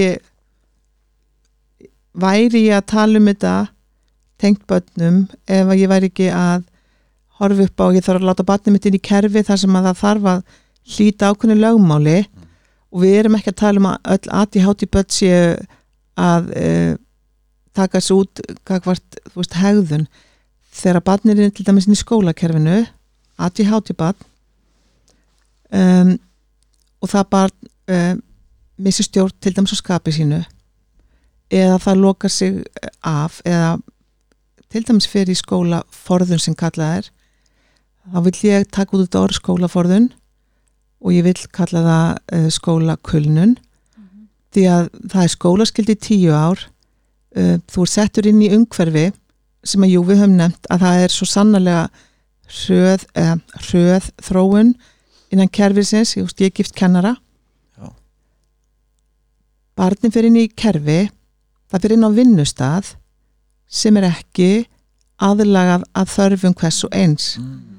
lög og reglugerði segja til um að það er að mæta nefnda það sem hann er en það er Já. ekki, það er ekki en það er ekki og við vitum það og ég hef oft heyrt þig um Sara tala svo um já, hvað kerfið er að reyna að koma til mótsildum sem börnin þín já, en, það en vantar við samt vitum. mikið upp á það vantar mikið upp á, Já, já. það er vilji, það er þekking til staðar Mhm. en í heildina ef við horfum á þetta sem kerfi skólan, bara Mhm. sem stóran vinnusta og bara uh, menta uh, kerfið allt saman þá erum við ekki búin að finna lausna á því hvernig við ætlum að mæta einstaklingunum nei, langt í frá maðurinn minn er kennari og hann er með ákveðin fjölda batna uh, hann er farin að geta búið kennsla á til dæmis hann eh, sér oft ef að viðkomandi gæti verið innan þess rófsa til er að einhverfu ADHD, lesblindu uh, ef að það er bat sem er að fá það er illa, ekki staði nógu vel að því heima fyrir af því það eru erfileikar Mhm. og hún langar að geta staðið með öllum en einn innan, þú veist, kennslurýmisins, Mm. þá er hann ekki fær um það. Já. Af því að eh, ég ætla ekki að segja að vanti bara fjármagn eða vanti þekkingu. Það vantar eitthvað annað og ég hef ekki í öllis ár fundið þessa löst. nei. Nei, ég tala um það, nú hef ég gert tvær greinar um skólakvíða Mm Mhm, og ég hef einmitt talað um þetta að reyna að fella þetta orða niður skóla, skólaforðun heldur bara skólakvíða eða bara einmitt að hend ekki þú veist, það þarf að aðlaga sko umhverfið að barninu en ekki barnið að umhverfinu Mhm. mhm. og í báðum þessum greinum tala ég um að það er ekki raunhæft að ætlast til þess að kennari með menntun og sínu sviði líka sem kennari geti komið til móts við allan þennan fjölda barna og hvað þá einn aðili eða tveir aðilar þar eftir hvernig bekkirnir eru settir upp já, það er ekki raunhæft nei Ég er sammálaðir, algjörlega Þú hefur ekkert yfirsýn yfir allt það er saman ekki Það er hægt ekki fræðilegur og Það er hvað ekki, og við erum mannleg, hvernig á Einmitt. kennari bara að hafa orku í það líka þú Akkurat. veist, við þurfum miklu meira draumurinn væri að það væri miklu fleiri fagaðalar inn í öllum skólum Já, já, algjörlega öllum Þar kemur skólum fjármagnin líka Ég er að, mér finnst Já. að Það þarf ekki endur að vera fjármagn. Nei, Það getur líka verið pólitík. Já, það getur verið getur verið pólitík. Já, þekkingaleysi, já, já, uh, bara mjög mikið. þekkingaleysi, það er góða Já. punktur já, Reynsluleysi, já Einmitt. þekking, ef maður þekkir ekki hvernig hægt er að stiðja við, þá Já. bara það elur á fordómum, já, já, já, ef já, við þekki ekki já, akkurat þá langar mér líka að spyrja einu með börnin að segjum að séu fóldrar sem eru uh, með grun um að börnin sín séu um mögulum ADHD já, hversu mikilvægt er að þessi fóldrar fari með börnin sín í greiningu einingin er rosalega mikiláta því að Já. kerfi, það við tölum bara því að sko ég var fyrst þegar minn var eldri stráku sem er 17 í dag var, við vorum að, að svona í greiningaferðla og var ég rosalega ósátt, ég var svona hálfgjör repel við hvað við þurftum með mitt kerfi sinns vegna að hafa alltaf pappirum en það kerfi vinnur bara þannig mm -hmm. þannig að Já. ef þú ætlar að fá það þjónustu sem barnið þarf þá verður að vera með alltaf pappirum já, til þess að fá þess að þjónust já, oftast nær, ég segi Ég ekki skil hvað auðvitað þú kannski eitt, eitt og eitt dæmi undantekningar en öllu jafna ekki algjörlega þannig að maður þarf að vera kerrisfræðingur þú þarft að vera kerfisfræðingur, þú þarft að læra á þetta og við erum ekki öll kerrisfræðingar Nei, langt í frá og þarna vantar þarna það sem ég upplifir rosalega stert með minn 17 að það tók okkur nokkur ár að læra Mm. allt inn á hvað við þyrtum og hvað við getum gert og mér finnst ég bara og það, það var ég svo óbóðslega ósátt við því að hann Já. fór svo rosalega uh, á misvist nefntaka íhlutun á móti það er raunverð ekki al, almennilega greipin í hans málferðin í áttundabæk Mm. og hvað er búið að gerast, hann er bara búin að fara í algjör skóla kulnun sem því það að hann er mótróa, hann er komið með bara alvarleg vandamál andlega það er ekki nóg gott Nei, þannig, þannig getur skapast einmitt áfallasaga Já, sem er bara akkurat búið að gerast og fyrir vikið þá, hvað, þú veist, allur áhuga á skólakerfi dettu bara, á skóla mentun, á mentun, þú veist, dettu bara út. þá þurfum við að taka út að, að það að fara í skóla sem mentun Já, í raun og veru. við þurfum Taka að út tryggja þessi- öryggi barnana inn í skólanum Já, við þurfum að tryggja þeim rými til vakstar tryggja þeim rými til að fá að vaksa á dafnuna og læra á þann hátt sem hendar þeim já, það þýðir ekki að uh, eitt skóli, að því að ég var þegar málefni uh, grunnskólan sem voru flutti yfir til sveitafélaga frá ríki, þá þurfti hvers sveitafélag að sjá um að uppfylla þess skilirði um, það er ekki að ganga eftir nei, það er ekki að ganga eftir. og við, ég var alveg með því að allir ætti að fá að fara í sama skólan en í Mhm. dag segi ég um, og ég er ekki að tala bara um að ég háti eða einhverju að við ættum að geta haft val um ólíka skóla, Já, ólíka nálganir Sammála. og til dæmis eh, sé ég mikla fegur því hana, þeim sem geta verið með heimakenslu til dæmis, Já. heimanám Já, þeir sem geta lært í úti vista tengdu námið, þú veist, já. við þurfum að breyta þessari stóru hugmynd en ég hef ekkert svar við hvað er rétt Nei, þarna kemur líka erfileikarnir. Ég reyndi að fara með mínu strákun í Valdórskólan og þau eru ekki með stuðningi sem þarf ef það er þessi greining, einhverju greining til staðar. Og það, að því það er svo mikið útivist að stefna og sérstaklega minn yngri, hann blómstrar að læra í leik, Já. læra í, í útiveru. já, Vistu, við höfum getað kent honum svo mikið bara í fjöruferðum já, við sjóin, með sandinum, alls konar, þú veist, öðruvísi leiðir, við höfum verið með hann í heimakenslu. Já. Þetta því að skólakerfið átti bara ekki til lausnir fyrir hann. En svona part, svona 50% heimakenslu. Samkvæmt lögum má ég ekki verið með heimakenslu, ég er ekki mentaðu kennari, á Íslandi má ég það ekki, þetta er misand eftir löndum. já. mm -hmm. En þetta var samt farið þessa leið því skólakerfið átti ekki lausnir, Akkurat, þá er það hægt. deild. Já, þá er það hægt. Hann komst ekki inn í einhverju deild, það er Mhm. náttúrulega svo mikið aðsókn í það. Og draumur minn hefði verið að geta bara mátt vera með heimakenslu alveg. Já, Eftir að ég svona fór að læra meira um hvað heimakensla getur verið. einmitt Óbúslega falleg. Og ég er að fylgja mitt á Instagram, ég er bara verða eiginlega að segja þetta sko, Já. homeschooling. Það er hérna já, já, síðan hennar er á ens, heitir ennsku nafni Homeschooling in Iceland, er ég að segja rétt já, er þetta ekki já, hérna? örgulega þið þekki þess að síðu þekki Jú. Sko, ég- já, ég bara skoða þetta, við Já. samingi ellendis er þetta mikið notað. já, ég, Englandi ég til skoða dæmis, líka ekki? mikið á TikTok emitt. ég sko elska TikTok af því að þegar þú kom algoritman á TikTok Já, inn á þitt sko aha, ég fæ bara tengt uh, heimakennslu mjög mikið, ég fæ einhverfu ADHD, mjög mikið svona hérna, þú veist uh, alls konar fræðslu um al- mismunandi sjúkdóma já, og það meðist mjög áhugavert sko að ég er spá með í það öllu. sama og svo Já. ik- IKEA-hakk. Nei. Ekki- Já, ok, með nákvæmlega Já, akkurat, ég þarf að já, Þú þetta er áhugavert maður þarf að gera Ég- algoritman réttan sko. já, þetta er sniðut, akkurat þetta er nákvæmlega svo, já, það er allt, það er svo skemmtileg þetta er samild áhugamál, aðið hátti, einhverfa uh Mhm. Aha. Homeschooling, já, Já. ok. Ég Já, Já. akkurat ætla ekki að segja hvað meira kemur hann upp. Ég held Hundar. nefnilega, sko, já, Hundar, já, það kemur hundar, já, kísur hjá já, mér já. endar, já, kísur, aðeins hundar Já. En En- hvernig, fyrstu enginni, hvenær komaði fram hjá börnum? Það er svolítið Bæði misjönd, einhverju aðtjátti eða e, þau Já. myndist að það er mjög misjönd Það Já. er eiginlega ekki hægt að segja bara á þessum aldri, þarna komum við aftur inn og líka hvaða enginn eru kannski ríkjandi eru þau mjög ábyrjandi út á við eða eru þau meira Inn á við. inn á við, Já. sko hvað mennur, hvernig þá?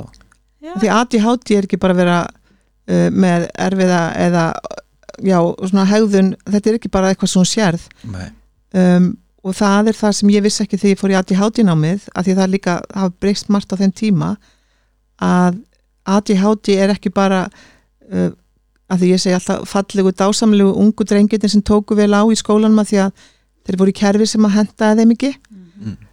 um, ADHD enginni eru svo mikið inn á við líka Já. og ef að fólk sægi það já það að, akkurat að regljuta tilfinningar að þú veist að geta hugsað um hugsun allt þetta þar, Já. þessar söðu hugsanir og að, að svona út að hérna einmitt, hvað var spurningin? Já, kvíð Já, hvenær Hvenær koma líka fyrst náði? enginni Já. fram? Ef við horfum á greiningaskilmála Mm. að þegar að vera að greina ADHD Mm. þá þurfa einkennin að hafa verið til staðir í batnasku Mm. og sínileg en heilin á okkur hann er að þroskast muniði uh, þegar við byrjum, þegar við erum ung þá eigum við erfitt með að stýra tilfinningum og við lendum oftar kannski í svona tantrum og öðru Mm. þannig að okkar s- hlutverk sem fúreldri er að- að reguleita þeirra tögakerfi til að vera til staðar og allt þetta Einmitt. af því að það, það er þeirra þroski þannig þegar að vera að horfa á börn núna þá er ekki verið að leggja svo mikið upp úr greiningum í hérna, þessari frumbensku um, sex ára oft heyrum að nei, við ætlum ekki að skoða að ég háti fyrir en eftir fyrst árið Já, það er En- rétt það er af því að enginn er ekkert endilega sínileg Mm. Já, einmitt. um, það eru í ADHD og einhverju sjáum við hjá einhverjum einstaklingum fyrir 30 ára aldrei mjög sterk uh, enginni, Já, eða byrtingamyndir já. en eins og hjá ADHD konum þá stundum sjáum við ekki neitt í sögunni eða lítið í sögunni fyrir að fara að rýna kannski fyrir ná úlingsárunum þegar hormónin fara að kikka inn Já. Mm. og suma konu tala um eftir batneignir sko, akkurat, út af því að þá verður álega miklu meira og það ráða illa við það já og þegar við breyting í umhverfin Já, okkar og hlutverkum Akkurat, Já, og hlutverkum, já, a- Já. en svo varum að tala um áðan sko, Já. hlutverkin, þannig að já, í hvað hlutverkum eru við í lífinu já, já, það, getur, ha- það hefur svo mikið áhrif á hvaða enginn eru uh, hamlandi í raun og veru já, já, þar kemur það eins og ADHD-inu þá kemur það inn á þú veist hvernig verður stýrifærnin þú veist, ert að takast á við líka námserfileika þá inn í umhverfi sem að, vill, að þú lærir á ákveðin átt já, já, einhverfunni akkurat. mitt þá horfum við alveg inn á þú veist, ef að skinnjunum, ef að verður ofur áreiti að því að þetta er, þetta er ekki eh, ónýt skinnjun, þetta er öðruvísi skinnjun Já. sem að þau, þið þurfum að, að finna leið til Mm. að endurhlaða ykkur Mhm. Mhm, og ef þú far bara að gera það á klóstinu í skólanum mhm. þá ertu bara að yfirkerra all kerfi já, akkurat, já Einmitt. Hvernig er þá, segjum að Anna, eh, sko, ég er með ADHD Mhm. og, og eru þá miklu líkur á börnum mín sem er með ADHD já, miklu meira líkur að því Já. að en ef móðurinn með ADHD þá eru En- ennþá meira líkur þá er ennþá meira líkur ég hef ekki séð erðaftengingu á milli kynja, hefur þið séð það? nei, ég meina er ekki ef að báði fóreldrar mati háti sko maður myndi ætla það en ég, ég, er, ekki, ég er ekki erðafræðingur, ég hef ekki Mér lesið neitt finnst bara ég um er þetta ekki heldur Nei. erfðafræðingur, þetta Nei, ég var eitthvað að lesa um þetta- þetta og mér finnst áhugavert, Nei, ég man var ekki hvort og einmitt að hvað spá, ég bara, ég, held, að- ég veit ekki, Nei, en mér finnst það bara rosalega áhugavert sko, að því ég man Manstu, það er 80% erða 80% erða, Já. já, hann kom það 80% erða þegar við Akkurat. erum að fá greiningu svona síðurla ára Já. nei, Já, já, þá eru við, akkurat, þú veist, ég upplifi að ég fór að skoða alla fjölskyldunni í kringum mig Já. já, akkurat þetta, og þar sé já, ég akkurat, mikil hérna lesbrenda já, um, það eru ADHD enginni víð og ég er að horfa aftur í ættir já, Já, einmitt, já. uh, akkurat. og einhverfa já, Mm, uh, þetta er tauga þroska röskun þetta er ekki röskun, þetta er öðruvísi uh, þróun eða þro- þroski akkurat eh, sem hefur Já. þróast með tímanum já, einmitt. Hvað getum við svo gert til þess að hann að uh, bara lifa daglegu lífi bara uh, svona sem fjölskylda sem fjölskylda og samfélag ég greip orðið þitt hann ég talaði fyrir Takk þig ég Ég- ætlaði ekki að gera það, þetta er bara dásamlega Þetta Nei, þú Já. breyst ekki, þú bara varst hjálp með mér já. Já. já, að því að ég hef spáð svo mikið í þessu nefnilega. það er Þarna, þá er vel að komin að það sem ég sagði upp af að hvernig getum við gert okkar líf þú veist, þægilegt og Já. þá þurfum við rosalega mikið að brjótast út úr í hvað er normið og hvað við eigum að gera og hvað kröfunar eru já, en það er líka samt oft svo mikið álag fyrir uh, fóröldra með ADHD og sko það er álag bæði að vera með ADHD og svo líka álag að vera með barn með ADHD og það er ofta sérstaklega ef að barnið passar ekki inn í Mhm. kerfið það er rosalega mikið barátta og það fylgir því óbúslega mikil streyta já, og því miður að það var miklu algengar að þessi hópur fari, þessi hópur fóreldra fari í kulnun Mm. bara einmitt örmögnun mm Já, einmitt, meiri líkur heldur en kannski bara Já. hjá öðrum já og Já. talaði um það ellendis, það, það er engin klínisk greininga við mig til sem að heita fóreldra kulnun eða parentin Nei, börna, Nei, en bara snemma sem þroskaþjáli fór ég eh, inn í grunnskólanum fóru við að, að einmitt eh, þetta hvernig við svörum fóreldrum eða hvernig við, ef að barn lendur á erfiðum stað Mm. ef það er verið að ringja alltaf heim og tilkynna foreldrum um að hann gerði svona, hann þyrst að gera þetta eða maður fara að heyra það að sé eitthvað að hjá viðkomandi Mm. um, að það þarf að breyta þessum viðþórum það þarf að styðja við barnið það þarf að styðja við ferlið, það verður jákvæða styrkingar uh, á sama tími mitt uh, ef að skólinn er svona úræðalis þá ringir hann í foreldri já, að gera það. já, og oftar hefur það verið móðurinn Mhm. en það er að breytast uh, einhverju leiti. Já, Það sem fóreldrar fá að heyra er barnið mitt er uh, gallað, það er ekki að virka Mm. Passar ekki inn. já, og þú farir hvað skráningar í mentor Já. þetta er atna, mjög neikvætt Já, já. neikvæða styrkingar það þarf að styðja við barnið í umhverfinu sem að, eða það er skóla sett í mhm, það þarf að vera, uh, það þarf að vera rými hjá uh, góðum hópi fólks til þess að styðja við þetta barn mhm. til þess að fóreldrar geti verið til staða þegar heim er komið Já. að því að fóreldrar eru burðir ef áreitt er ekki um mikið og álag Ef, akkurat, ef áreitur ekki um mikið. Mhm. Og svo líka því það er búið að vera svolítið umræðan alltaf mikið um eins og heimanám. Heimanám hjá ADHD börnum getur verið eitt, bara eitt staðsti álagstáttur á fjölskyldur. akkurat, já, Já. já. Í alvörun. já, Ég er að díla þetta núna alveg Já, þetta er- svakalega. og það Ég, er ég held að dóttum mér sé með sko. Já, ég hef Já. farið sko í hérna Já. mótra með heimanámið hjá í pötnum í alvegni ég, Mhm. hérna, þegar minn var hva, átt ára eða eitthvað og, og því hann náði sko, það, þá var hann í öðrum skóla og hann náði bara ekki nærri því að klára það sem átt að klára í skólanum og lausnin þeirra var að senda það allt heim og ég Mhm. byrjaði Já. bara ætlaði bara aldeilis að vera Mm. ok, ég tekur þetta þá bara á mig þannig að ég sa- þá- þá fattaði bara nei ætla ég bara að vera hérna á hverjum degi að gera sex blassir í starfræði Já. með ADHD-banninu mínu sem að á náms, námsörðuleika bara, Akkurat. þú veist, þetta verður bara eitt stæðsti álagstáttur og meirist að tala fóreldur oft um að bara heimalasturinn getur verið átök sko. Mhm. já en það eru rannsóknir að sína það núna að hérna, það verðist verið að farið að halla ómikið á að fóreldrar eigi að styðja við lestranám uh, þetta er nám og það á að vera þú samstarf Já, og þegar að var að vera að tala um að, að þetta dragur heimanámi hjá ákveðnum einstaklingum Mhm.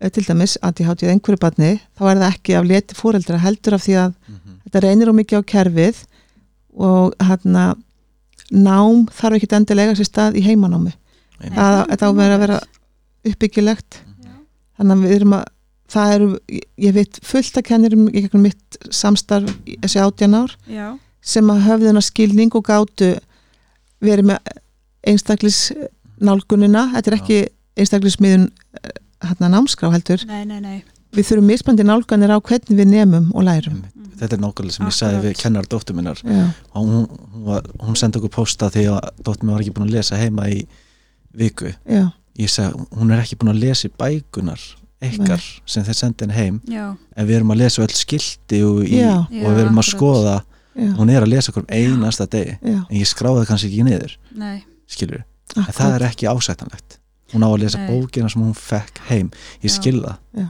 Og við gerum það Já. en já, samt sem áður sem er dóttir mín, hún, hún henni finnst betur að vera á hreyfingu og vera eitthvað starf út í náttúrunni, lesa já akkurat. hún fer sjálf og lesa á skildi já, skilur við, Það er eiginlega eins og við vorum að tala Já. um áðan að gera sko, það, það er hægt að fara svo marga leiðir í námi einmitt, já, og það er alveg hægt að sko bara leikur Já. það er hægt að læra svo mikið í gegnum alls konar leik Já.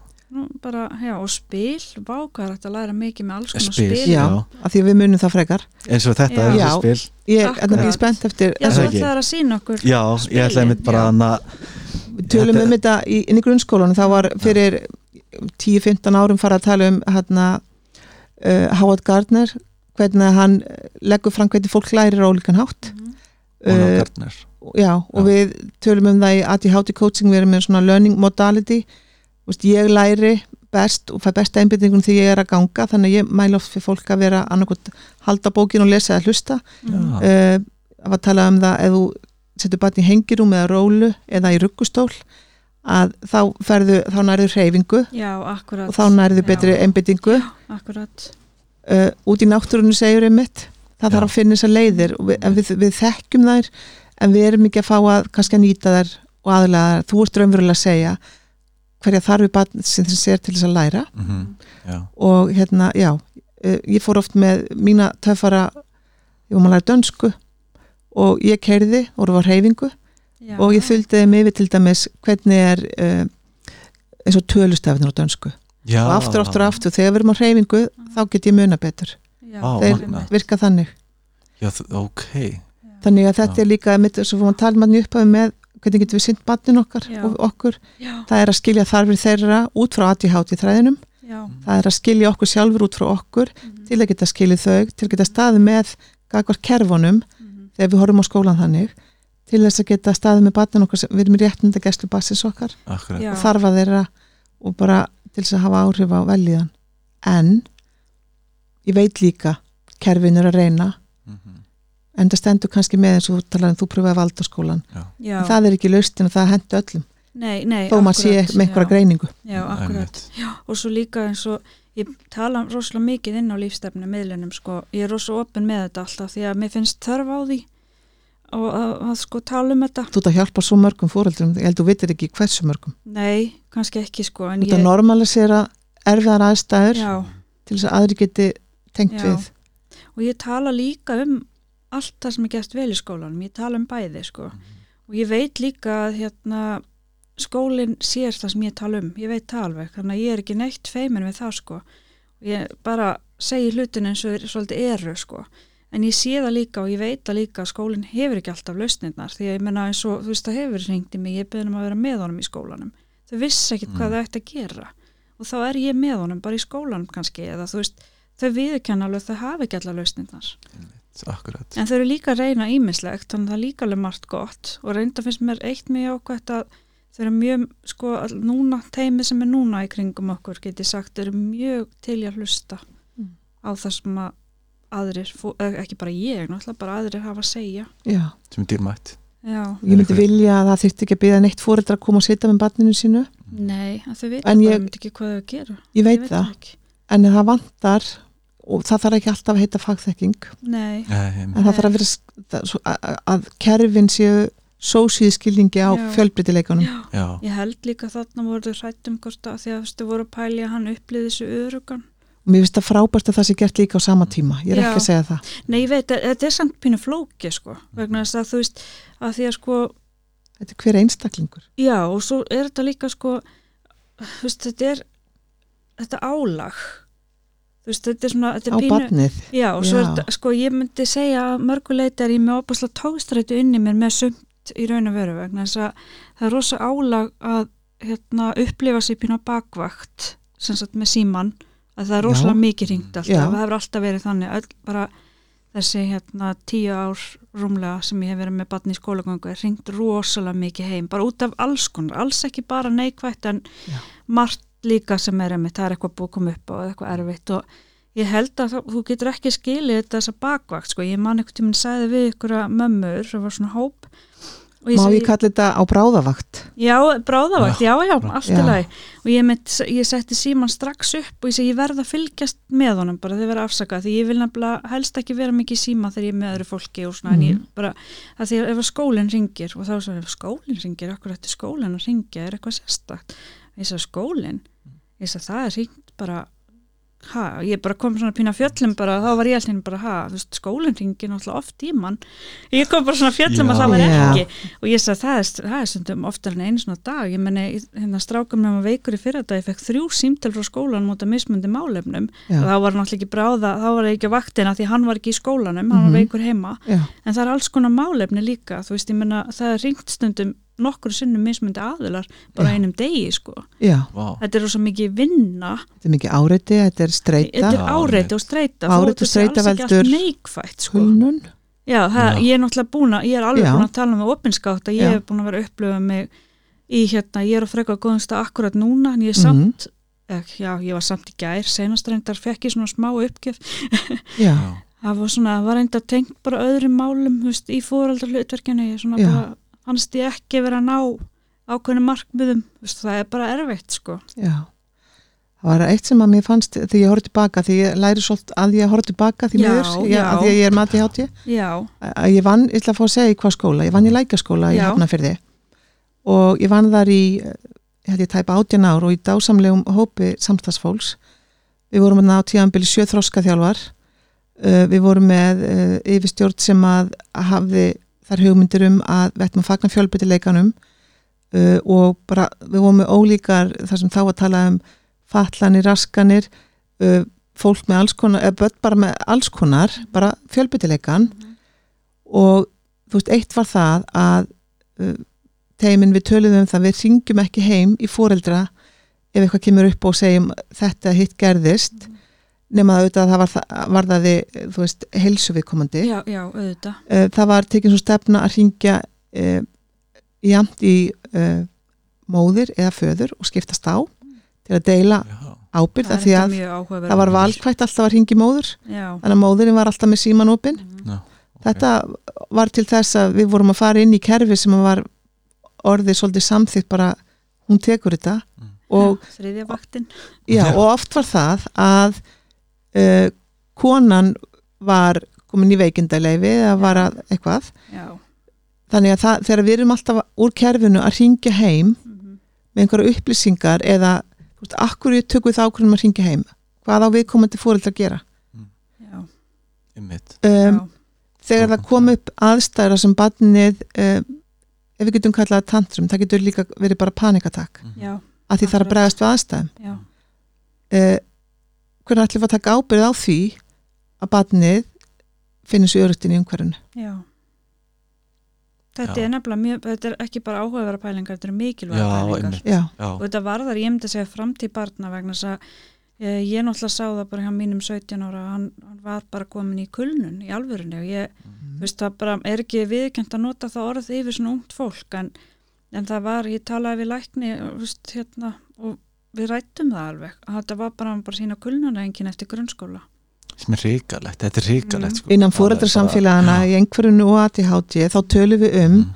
að barnið sé búið á því Já, Mhm. þú talaðir um sömafríið þitt Já, þegar þú átt að vera í flæði, já, Já. þú ert að koma döðþreyttur úr ákveðnu já, og þú þarf tíma til að safna þið saman já, en einmitt. það sem við ætlum að gera þegar við komum í sumafrí Mhm. þá ætlum við að fara að þú veist, að vera í flæði tekur tíma Mhm. fyrir barn Mm. sem er að fara í sumafrí til dæmis hvert hendur við þeim á okkur námskeið já, þetta er líka á saman tíma getur verið flóknara fyrir uh, barn sem að er ein, einhvert barn eða, og Mhm. barn aðti hátti ég held við, þur, ég held við okkur finnist við þurfa alltaf að vera að gera þetta Ég held það er aðti hátti Já, já, já, það er já. að, ok, En á sama tíma vantar okkur auðvitað kvildina, við þurfum bara að læra svolítið að finna kvildina. leiðist að hvernig- kvílast vétraga, Já, já, ég segi það, einmitt, hvernig bara, hvað hendur okkur? erum við kannski að finna það núna bara með því að fara í kölnun, það er veggurinn Það er nefnilega það Já. sem er svolítið grátlegt í samfélaginu að það er það sem mér finnst svolítið vera að gerast. Er, það er náttúrulega ekki eitthvað, það er bara eitthvað sem ég er að hugsa, sko. ég líka, Í upplifun, sko. ég fór í hérna, það, það myndi eflust vera skilnitt núna örmögnun, 2016 og fór í Já. virk Já, þar fekk ég andrými til að sapna mig saman og skilja mig akkur. Já, en ég einmitt. þurfti að fara á vegg En okkur Já, vantar þurftir að þetta vera vegg, andri já. með inn á milli, okkur Já. vantar líka að læra hvað við erum að gera við það. já, Við getum ekki bara að fengja andrými og ekki vera með verkfæri. ég held að við náum oft sko, ég held að við náum oft ekki andrýminu Nei. að því við erum með, sko, við erum með stóra lagra af verkvarum, við erum að læra að kæla við erum að læra Já, reyndar, slökum, við erum að læra þetta, við erum að læra hitt Já, ef við náum ekki raungir það að því að við höldum bara áfram Já. við þurfum bara að prófa mögulega, já. við þurfum bara að prófa okkur Akkurat, áfram algjörlega, Já, já. en svo, svo ætla að mynda sko eins og fóreldrar sem að eru kannski með hérna börn með ADHD og við verum að tala um að svona mikið um að vera, mikið árit og svona þetta er náttúrulega akkurat fólki sem er dettur svolítið út af vinnumarkaði, þú veist Mhm. að tala um það Já. líka sko og þarna og þa- það er samt að maður horfir á svona samfélagi, það er ekkit rosalega sko, þetta er rosalega skrítið sko, mm -hmm.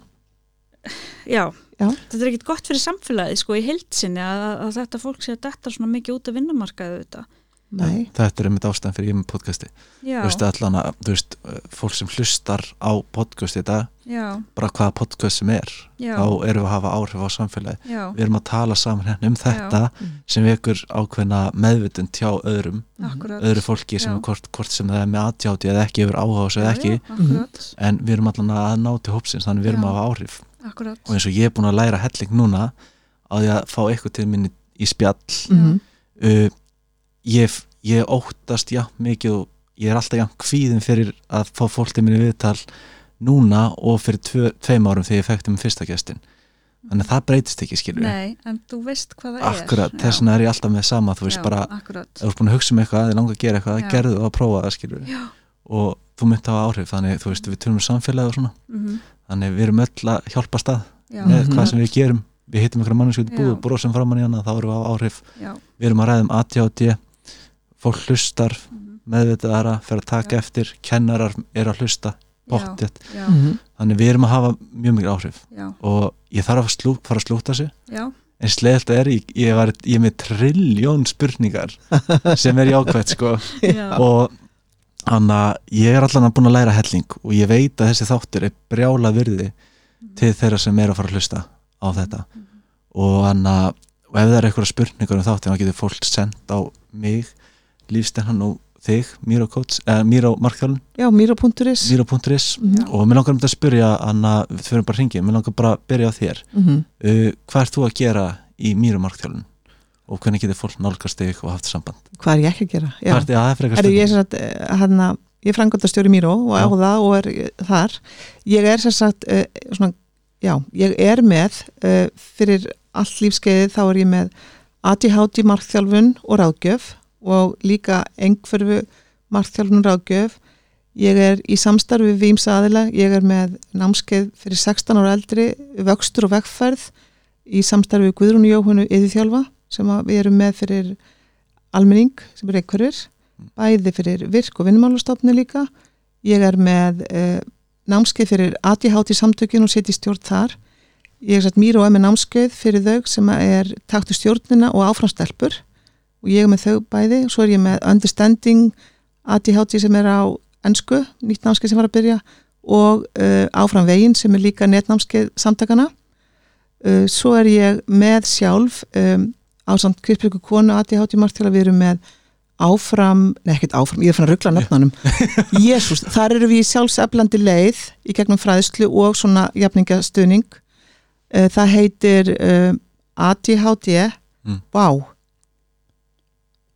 á kvennamáli já, já, ok, já. ADHD og hvernig já, að því ég er alltaf það- mitt þema er all, að það sjá mannamáli þannig við skiljum Mhm, svo er ég með sem sagt, ég er með ég fæ, ég er með fjölskyldumarkþjálfun fyrir ADHD og einhverfu, Mhm, ok, ég er með eh, ég er nú óvart fengið stundum pör já, alls konar ó, pör óvart Já, en ég er ekki sérhæfð í pararátt svo Nei. það sé alveg á hreinu. ok, Um, ég er með til dæmis fræðslu núna fyrir Suðunesin, ég er að fara að hitta í öllum skólunum, allt starfsfólkið og foreldra og tala um þetta þennan fjölbyttileika Já. okkar. Ég er uh, fyrir inn í fyrirtæki, þú veist, ég er að fara inn í til dæmis ATVFR, ég er að fara inn í uh, ég er að gera þjónussamning við Sæðlabankan með ATHT og einhverjum margþjálun að því við erum allstaðar. ok akkurat, Já. ég skil, vá, Já. áhugavert Og Uh, fólk- fólk, ég er út um allt ok, Ég er líka með Jóka Nýtra með manninu mínum já, ok uh, sem sagt, og já, þetta er það sem ég er að gera Mhm. og ég er, er að gera þetta að, þú veist ég veit bara valda bara fólk en Mhm. ég er að gera þetta og sem þróska þjálfi er ég að nota ráðgjöfina og ég Já. vinn fyrir sveitafílu líka já, ég er mikið að styðja við mæður Mm. uh, sem að eru einmitt á þessum stað ég hef ekki fengið feður ennþá en ég hef fengið til dæmis afa inn og, og pappa já, sem að koma inn til að læra sjálfur af því að þú veist, það er meira orðið þannig að við sækjum okkur þekkingu. algjörlega Þannig ég er að gera mjög mikið Mhm. og ég er eiginlega, ég er að fá orðið svo mikið af hana, fyrirspurnum um að vera með fyrirlestra eða námskeið um eða bara að fræða fólk um fjölbreytileika innan starfs umhverfisins á alls konar vinnustöðum já, og það kemur mér á óvart hvaða vinnustöði það eru sem er að byggja um þessa, þessa nálgun já þannig að já, ok, ég held ég sé svona bara náum um það mesta algjörlega, Já. þetta er mjög áhugavert og, það, og ef ykkur er að hlusta sem vil hafa samband, hvernig getur það samband eða hún, Herðu, það er bara í gegnum uh, síðuna mína miro.is Ég er með Facebook síðu og ég er með uh, Instagram, ég hef bara ekki tími að sinna því Nei. Þannig já, En- í gegnum miro.is eða í gegnum messenger á hana, Facebook síðinu miro akkurat og það er bara mjög einfalt, ég mynd googla bara skrifa bara Miro og það kemur þetta strax Já, ok, Einmitt, þannig að það er mjög þægilegt þegar ég er alltaf svo hraður að skrifa Já, þú já. veist, þannig að það virkar þannig Já. að þú ert þannig að googla með þetta, bara googla Miro og þá bara sjáu strax Miro.is og Facebook og Instagram og svona ok og ég já. vil hvetja alla, alla til þess að kíkja á það Mhm. og þannig að og þá er að koma á Söru Já, þú Ég ert er með sem lífstennan já, ég er með fræðsluna á samfélagsmiðlum og er svona, ég myndi, svist, hérna, það, það er bara svona svolítið stórt hjá mér og mér er ég komið í samstöru núna og er bara að vinna svolítið mikið með samfélagsmiðlin og svo er ég búið til vörur, eflandi vörur fyrir börn Mjög og góðar vörur, úlinga já. sem eru selt í regnbóðanum, barnavöruverslun, skefinni. eins og tilfengar empúðan sem var að Já, Til Ég dæmis. akkurat. nota mikið hana, spilin frá þér til að kveika á spurningum Já, frábært. og, eh, nota það, bara- og það er þvílíkt að hjálpa Já, frábært Mhm. að heyra. Já. Það er alveg ótrúlega, ótrúlega gefandi að Já. heyra það. og bókiðin fór til Akureyrar sem ég sagði það Já, akkurat, já. Mér finnst þetta svo Eh, gefandi stelpunni. og hérna, ég er rosa mikið að vinna í nýjum vörum núna og ég bara á svo erfitt með tímasetja hvenær það kemur út. Þannig ég er alltaf með eitt úr stein á hugmynd og Mhm. ég er alltaf með eitthvað í vinslu þar og langar að gera rosalega margt með það. Það er svona, draumurum minn væri að hérna, ná að, að hérna, koma út fleiri vörum já, bara sem fyrst í raun og veru sko. ok, spennandi Þannig að vonandi verið það. Hvað er ég að Geggjað. gera meira? þú ert að gera henni helling, ég ætla hann að elska þú veist, Það er nefnilega að gera bara, já já, ég Já, ég, er a- a- svona, já, ég er bara í allskunna svolítið, já. Ég vil hvetja alla til þess að fylgja lístennan á Já. Instagram, Já, ég gerir það náttúrulega já. og að því þetta eru svo svona, þegar þú ert að post, posta niðinir, eru svona lesanleir, mannamáli. Þeir Já, eru mannamál mannamáli, líka, já, já, já, já, að því, Reyna- þeir En eru svo það er ég að tala ansku, ég er svolítið inn Já. á TikTokinu, þar eh, hérna er Já. ég á ansku, en ég er ekki lífstefna þar út af því að á ansku náttúrulega er það ekki alveg nóg gott nafn, þannig að ég gerði semst au, mm. DHD, af því að au er, þetta, er- þetta er bara, er ekkit fræðilegt, en au DHD er semst að þetta er einu verið einhverju og ADHD saman.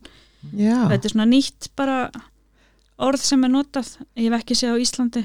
Nei, ég hef ekki hérna, hefur Áhugavert. nærðu að tala þá til breyðari hóps eða, Já, sko, mér finnst, á, ég held að ástæðan fyrir ég byrjaði að tala á ennsku er að því að það er svo mörg orð sem mér fannst erut að þýða og Já. það er svo gaman að tala á ennsku já, já, þannig að ég fór að bara alveg óvart að gera Já. það eiginlega og bara, f- jú, það eru m- mjög margi erlendir aðalega að fylgja mér og mér er þess að sálfræðingar og svona sem hafa sendt mér skilabóð allt á TikTok. já, Ég já, er ekkert já. með rosalega stóran fylgjendahóp þar Mm en hérna en þetta er ótrúlega skemmtilegt og ég allt í einu bara langa mér ótrúlega að stækka á TikTok og bara þetta er kom svo Já. óvænt sko með spæði jafn skemmtilegt Instagram og TikTok já, en ég Já. vildi svo mikið vera með íslensku á, ti- á Instagraminu sko já, af því að það vantar svo orðin og fræðsluna og það er til svo miklu miklu meira á ennsku sko ég hef svolítið farið í það að leifa mér að nota ennsku orðin já, ekki, og þó ég fá alveg gaggrunni fyrir það frá Já. hinum og þessum, það er allt í lagi já, En ég, ég er bara að standa með mér að því ég ásundum erut með að sjá blæbreyðin í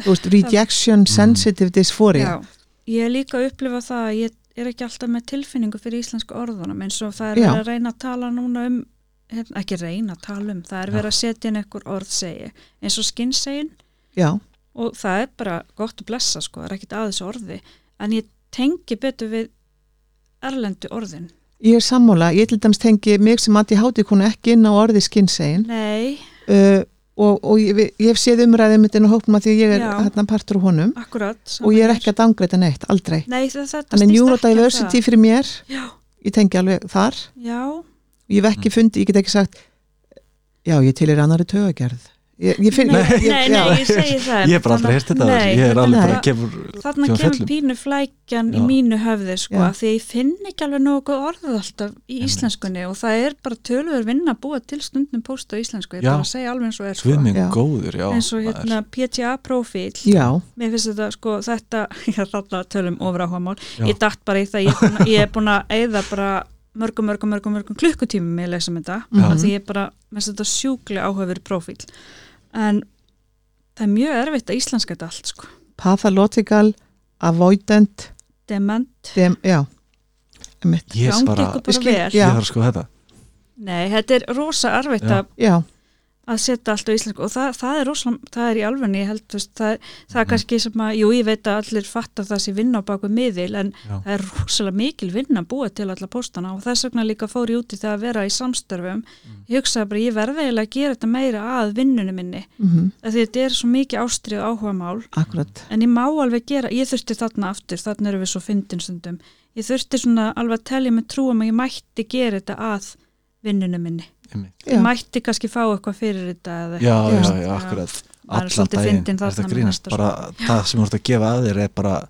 all, allra þessi virði, sko Já, maður Þannig að verður ég- eiginlega að vera í, þú Já. veist, þetta verður eiginlega að fá að vera einhvers konar launað, auðvitað þú maður veist, og ég það sem er já. þetta bara byrjunast í þar ennþá, en mér er alveg sama, en það er bara svona, þú veist, þetta, Já, til sem maður geti sint þessu, sko, Einmitt, tekið akkurat. þetta fram yfir eitthvað annað, Auðvitað. réttur sagt, skiljiði. já, akkurat forgansraða því og þá kannski, Mm. Já. minnst oft svo gott að hugsa það þannig að, þú veist, það var hugsjónamanneskja Já, hún er að koma hugssjónum sínum út já, en það er þetta kannski starfa sem líka sem frumkvöðl já, að móta ákveði element já, og þú veist að við þurfum ekki að setja orðið markasetninga á þetta, þú vilt deila Já, út já. góðum hugmyndum, já. leiðum til að ná utan um lífsegið. Já, Einmitt. og svo líka bara eins og þær vörur sem ég hef verið að taka fyrir Já. og, og beint auglýsa, þetta er allt, sko, þetta er allt bara svipað til vörur sem ég hef nú þegar oft fyrir að Akkurat. sína á meðlunum, sko. einmitt. þannig Akkurat, að ég bara sé, þú veist, mér finnst það bara jákvæmt sko. en ég hvet allir til þess að fylgja ykkur á Já. samfélagsmiðlum kynna, kynna sér starfsemina og hlusta á þennan þátt og hlusta á þáttinn sem ég tóku söru líka part 1 og part 2 en á pappapælingar mæl með því og anna, en samt sem áður þá er ein spurning sem ég spyr alltaf í lokin er eitthvað spurning sem ég spurði ykkur ekki að sem þið hefði viljað að ég hefði spurt ykkur að já, það er spurning. Þannig að þú spurður ekkit út í um, feðunar í kringum mig, mannin minn og og pappa minn og afa minn, það er áhugavert pappa pælingarnar að því að já, í þessu samingi þá finnst mér, mm, að því að ég er að vinna núna svolítið píni hvenna þættinum, akkurat að mig langar að fá að dásama um, hlutverk, stöðu, uh, upplifun og allt það sem að, að því að ég á tvo stráka og að við sjáum þess að fegur því þessum hlutverkum sem að þú veist að er alltaf á umbreytingatíma já, að hérna við séum ekki að horfa á þessu hlutverk að það sé svo mikil vakning núna á einhverju að ætli þetta okkar á undan þetta er allt tilfinningaverur, mannverur sem að ymmit hafa gert sitt besta mhm, og ég bara fagna þessu hlutverki og að hérna og ég hafi verið svo lánsum að eiga hérna svona einstaklinga að sem eru í þessu hlutverki já, eða sem að hafa feðrað uh, mig og mína afkvæmi og, og bara og mína ætt feður Einmitt. að því að við konur erum auðvitað að koma þannig að við erum að valda blokkur já, eftir að hafa verið í ríkjandi feðraveldi einmitt en að þessi fegur því þetta lokar ákvörnum ring já, vá, ég er góða hægt núna, punktur hjá þér. takk fyrir takk fyrir þetta, Já. þetta er rosalega sterkur punktur hjá þér algjörlega, já Já, ég hef alveg vilja vera að spurða meir út í parasambandi að ég háti fóreldra. já, En það er kannski umræða Mhm. bara í alveg eilan annan þátt kannski, þannig að það er svona eiginlega bara spurning. það er regnbógin líka Það er regnbúinn sko, en það er svo mikilvægt í stóru myndina því að þetta skiptir gríðalega máli fyrir að ég háti fjölskyldur að, að hérna, spáa þessi í þess, þessu sko. algjörlega og líka bara, eins og segi, bara sambandið Já, að hvernig maður fungerar akkurat, já. já, já og það er líka ákveðin valdefling þá að ég algjörlega, háti einstaklingin að vera ekki að taka sér niður að því að Já. eitthvað, Algjörlega. það akkurat hefur svo mikið áhrif á fjölskylduna og mann sjálfan sem foreldri Mm. en þetta Já. er alveg, væri hægt að taka alveg heila al- aðra umræðum það, þannig að þetta er bara Klárlega. mjög flott, við erum búin að komast yfir mjög margt í þættina þið takir okkur 1, 2 og 3 í því eða ekki, Já. jú, ég sé það Það alveg. er það ekki En bara mér finnst þetta þið eru alltaf dásamleg mér finnst Já, alltaf hann já. Takk áhugavert kærlega og bara hann bara bjóða takk hérlega mér. fyrir ég, hann mér finnst alltaf hann áhugavert að spyrja þér spurningum en þess að Já, þá kemur alltaf eitthvað í ljós sem hann að hvað það er sum málefni sem hættur að ræða endalist já, já þetta er eitt af þessum málefni, það er til dæmis það er feðralutverkið, Mhm. það er móðurlutverkið, það eru samböndin það eru, þú veist hormónar hormónar, já, já, uh, ég er náttúrulega al, ég elska svona uh, svona vísindlegar já, staðrendir já, mhm. akkurat. þannig ég get fest Já. með þar og hlusta sko. Mhm. og mér finnst við geta farið við fórum á við, við náðum utanum mjög mikið að hlutum já, þannig að mig hann að hlakka rosalega mikið til þess að deila þessu þetta áfram það er ekki ekki herri, já, herru, geggja, bara Já. takk kjærlega fyrir að koma ég, Já, takk fyrir fyrir mig. tröstu, já. takk fyrir að koma Sömuleiðis. takk fyrir að, já, vera hérna gera það sem er að gera, já, takk hella takk fyrir sömuleiðis.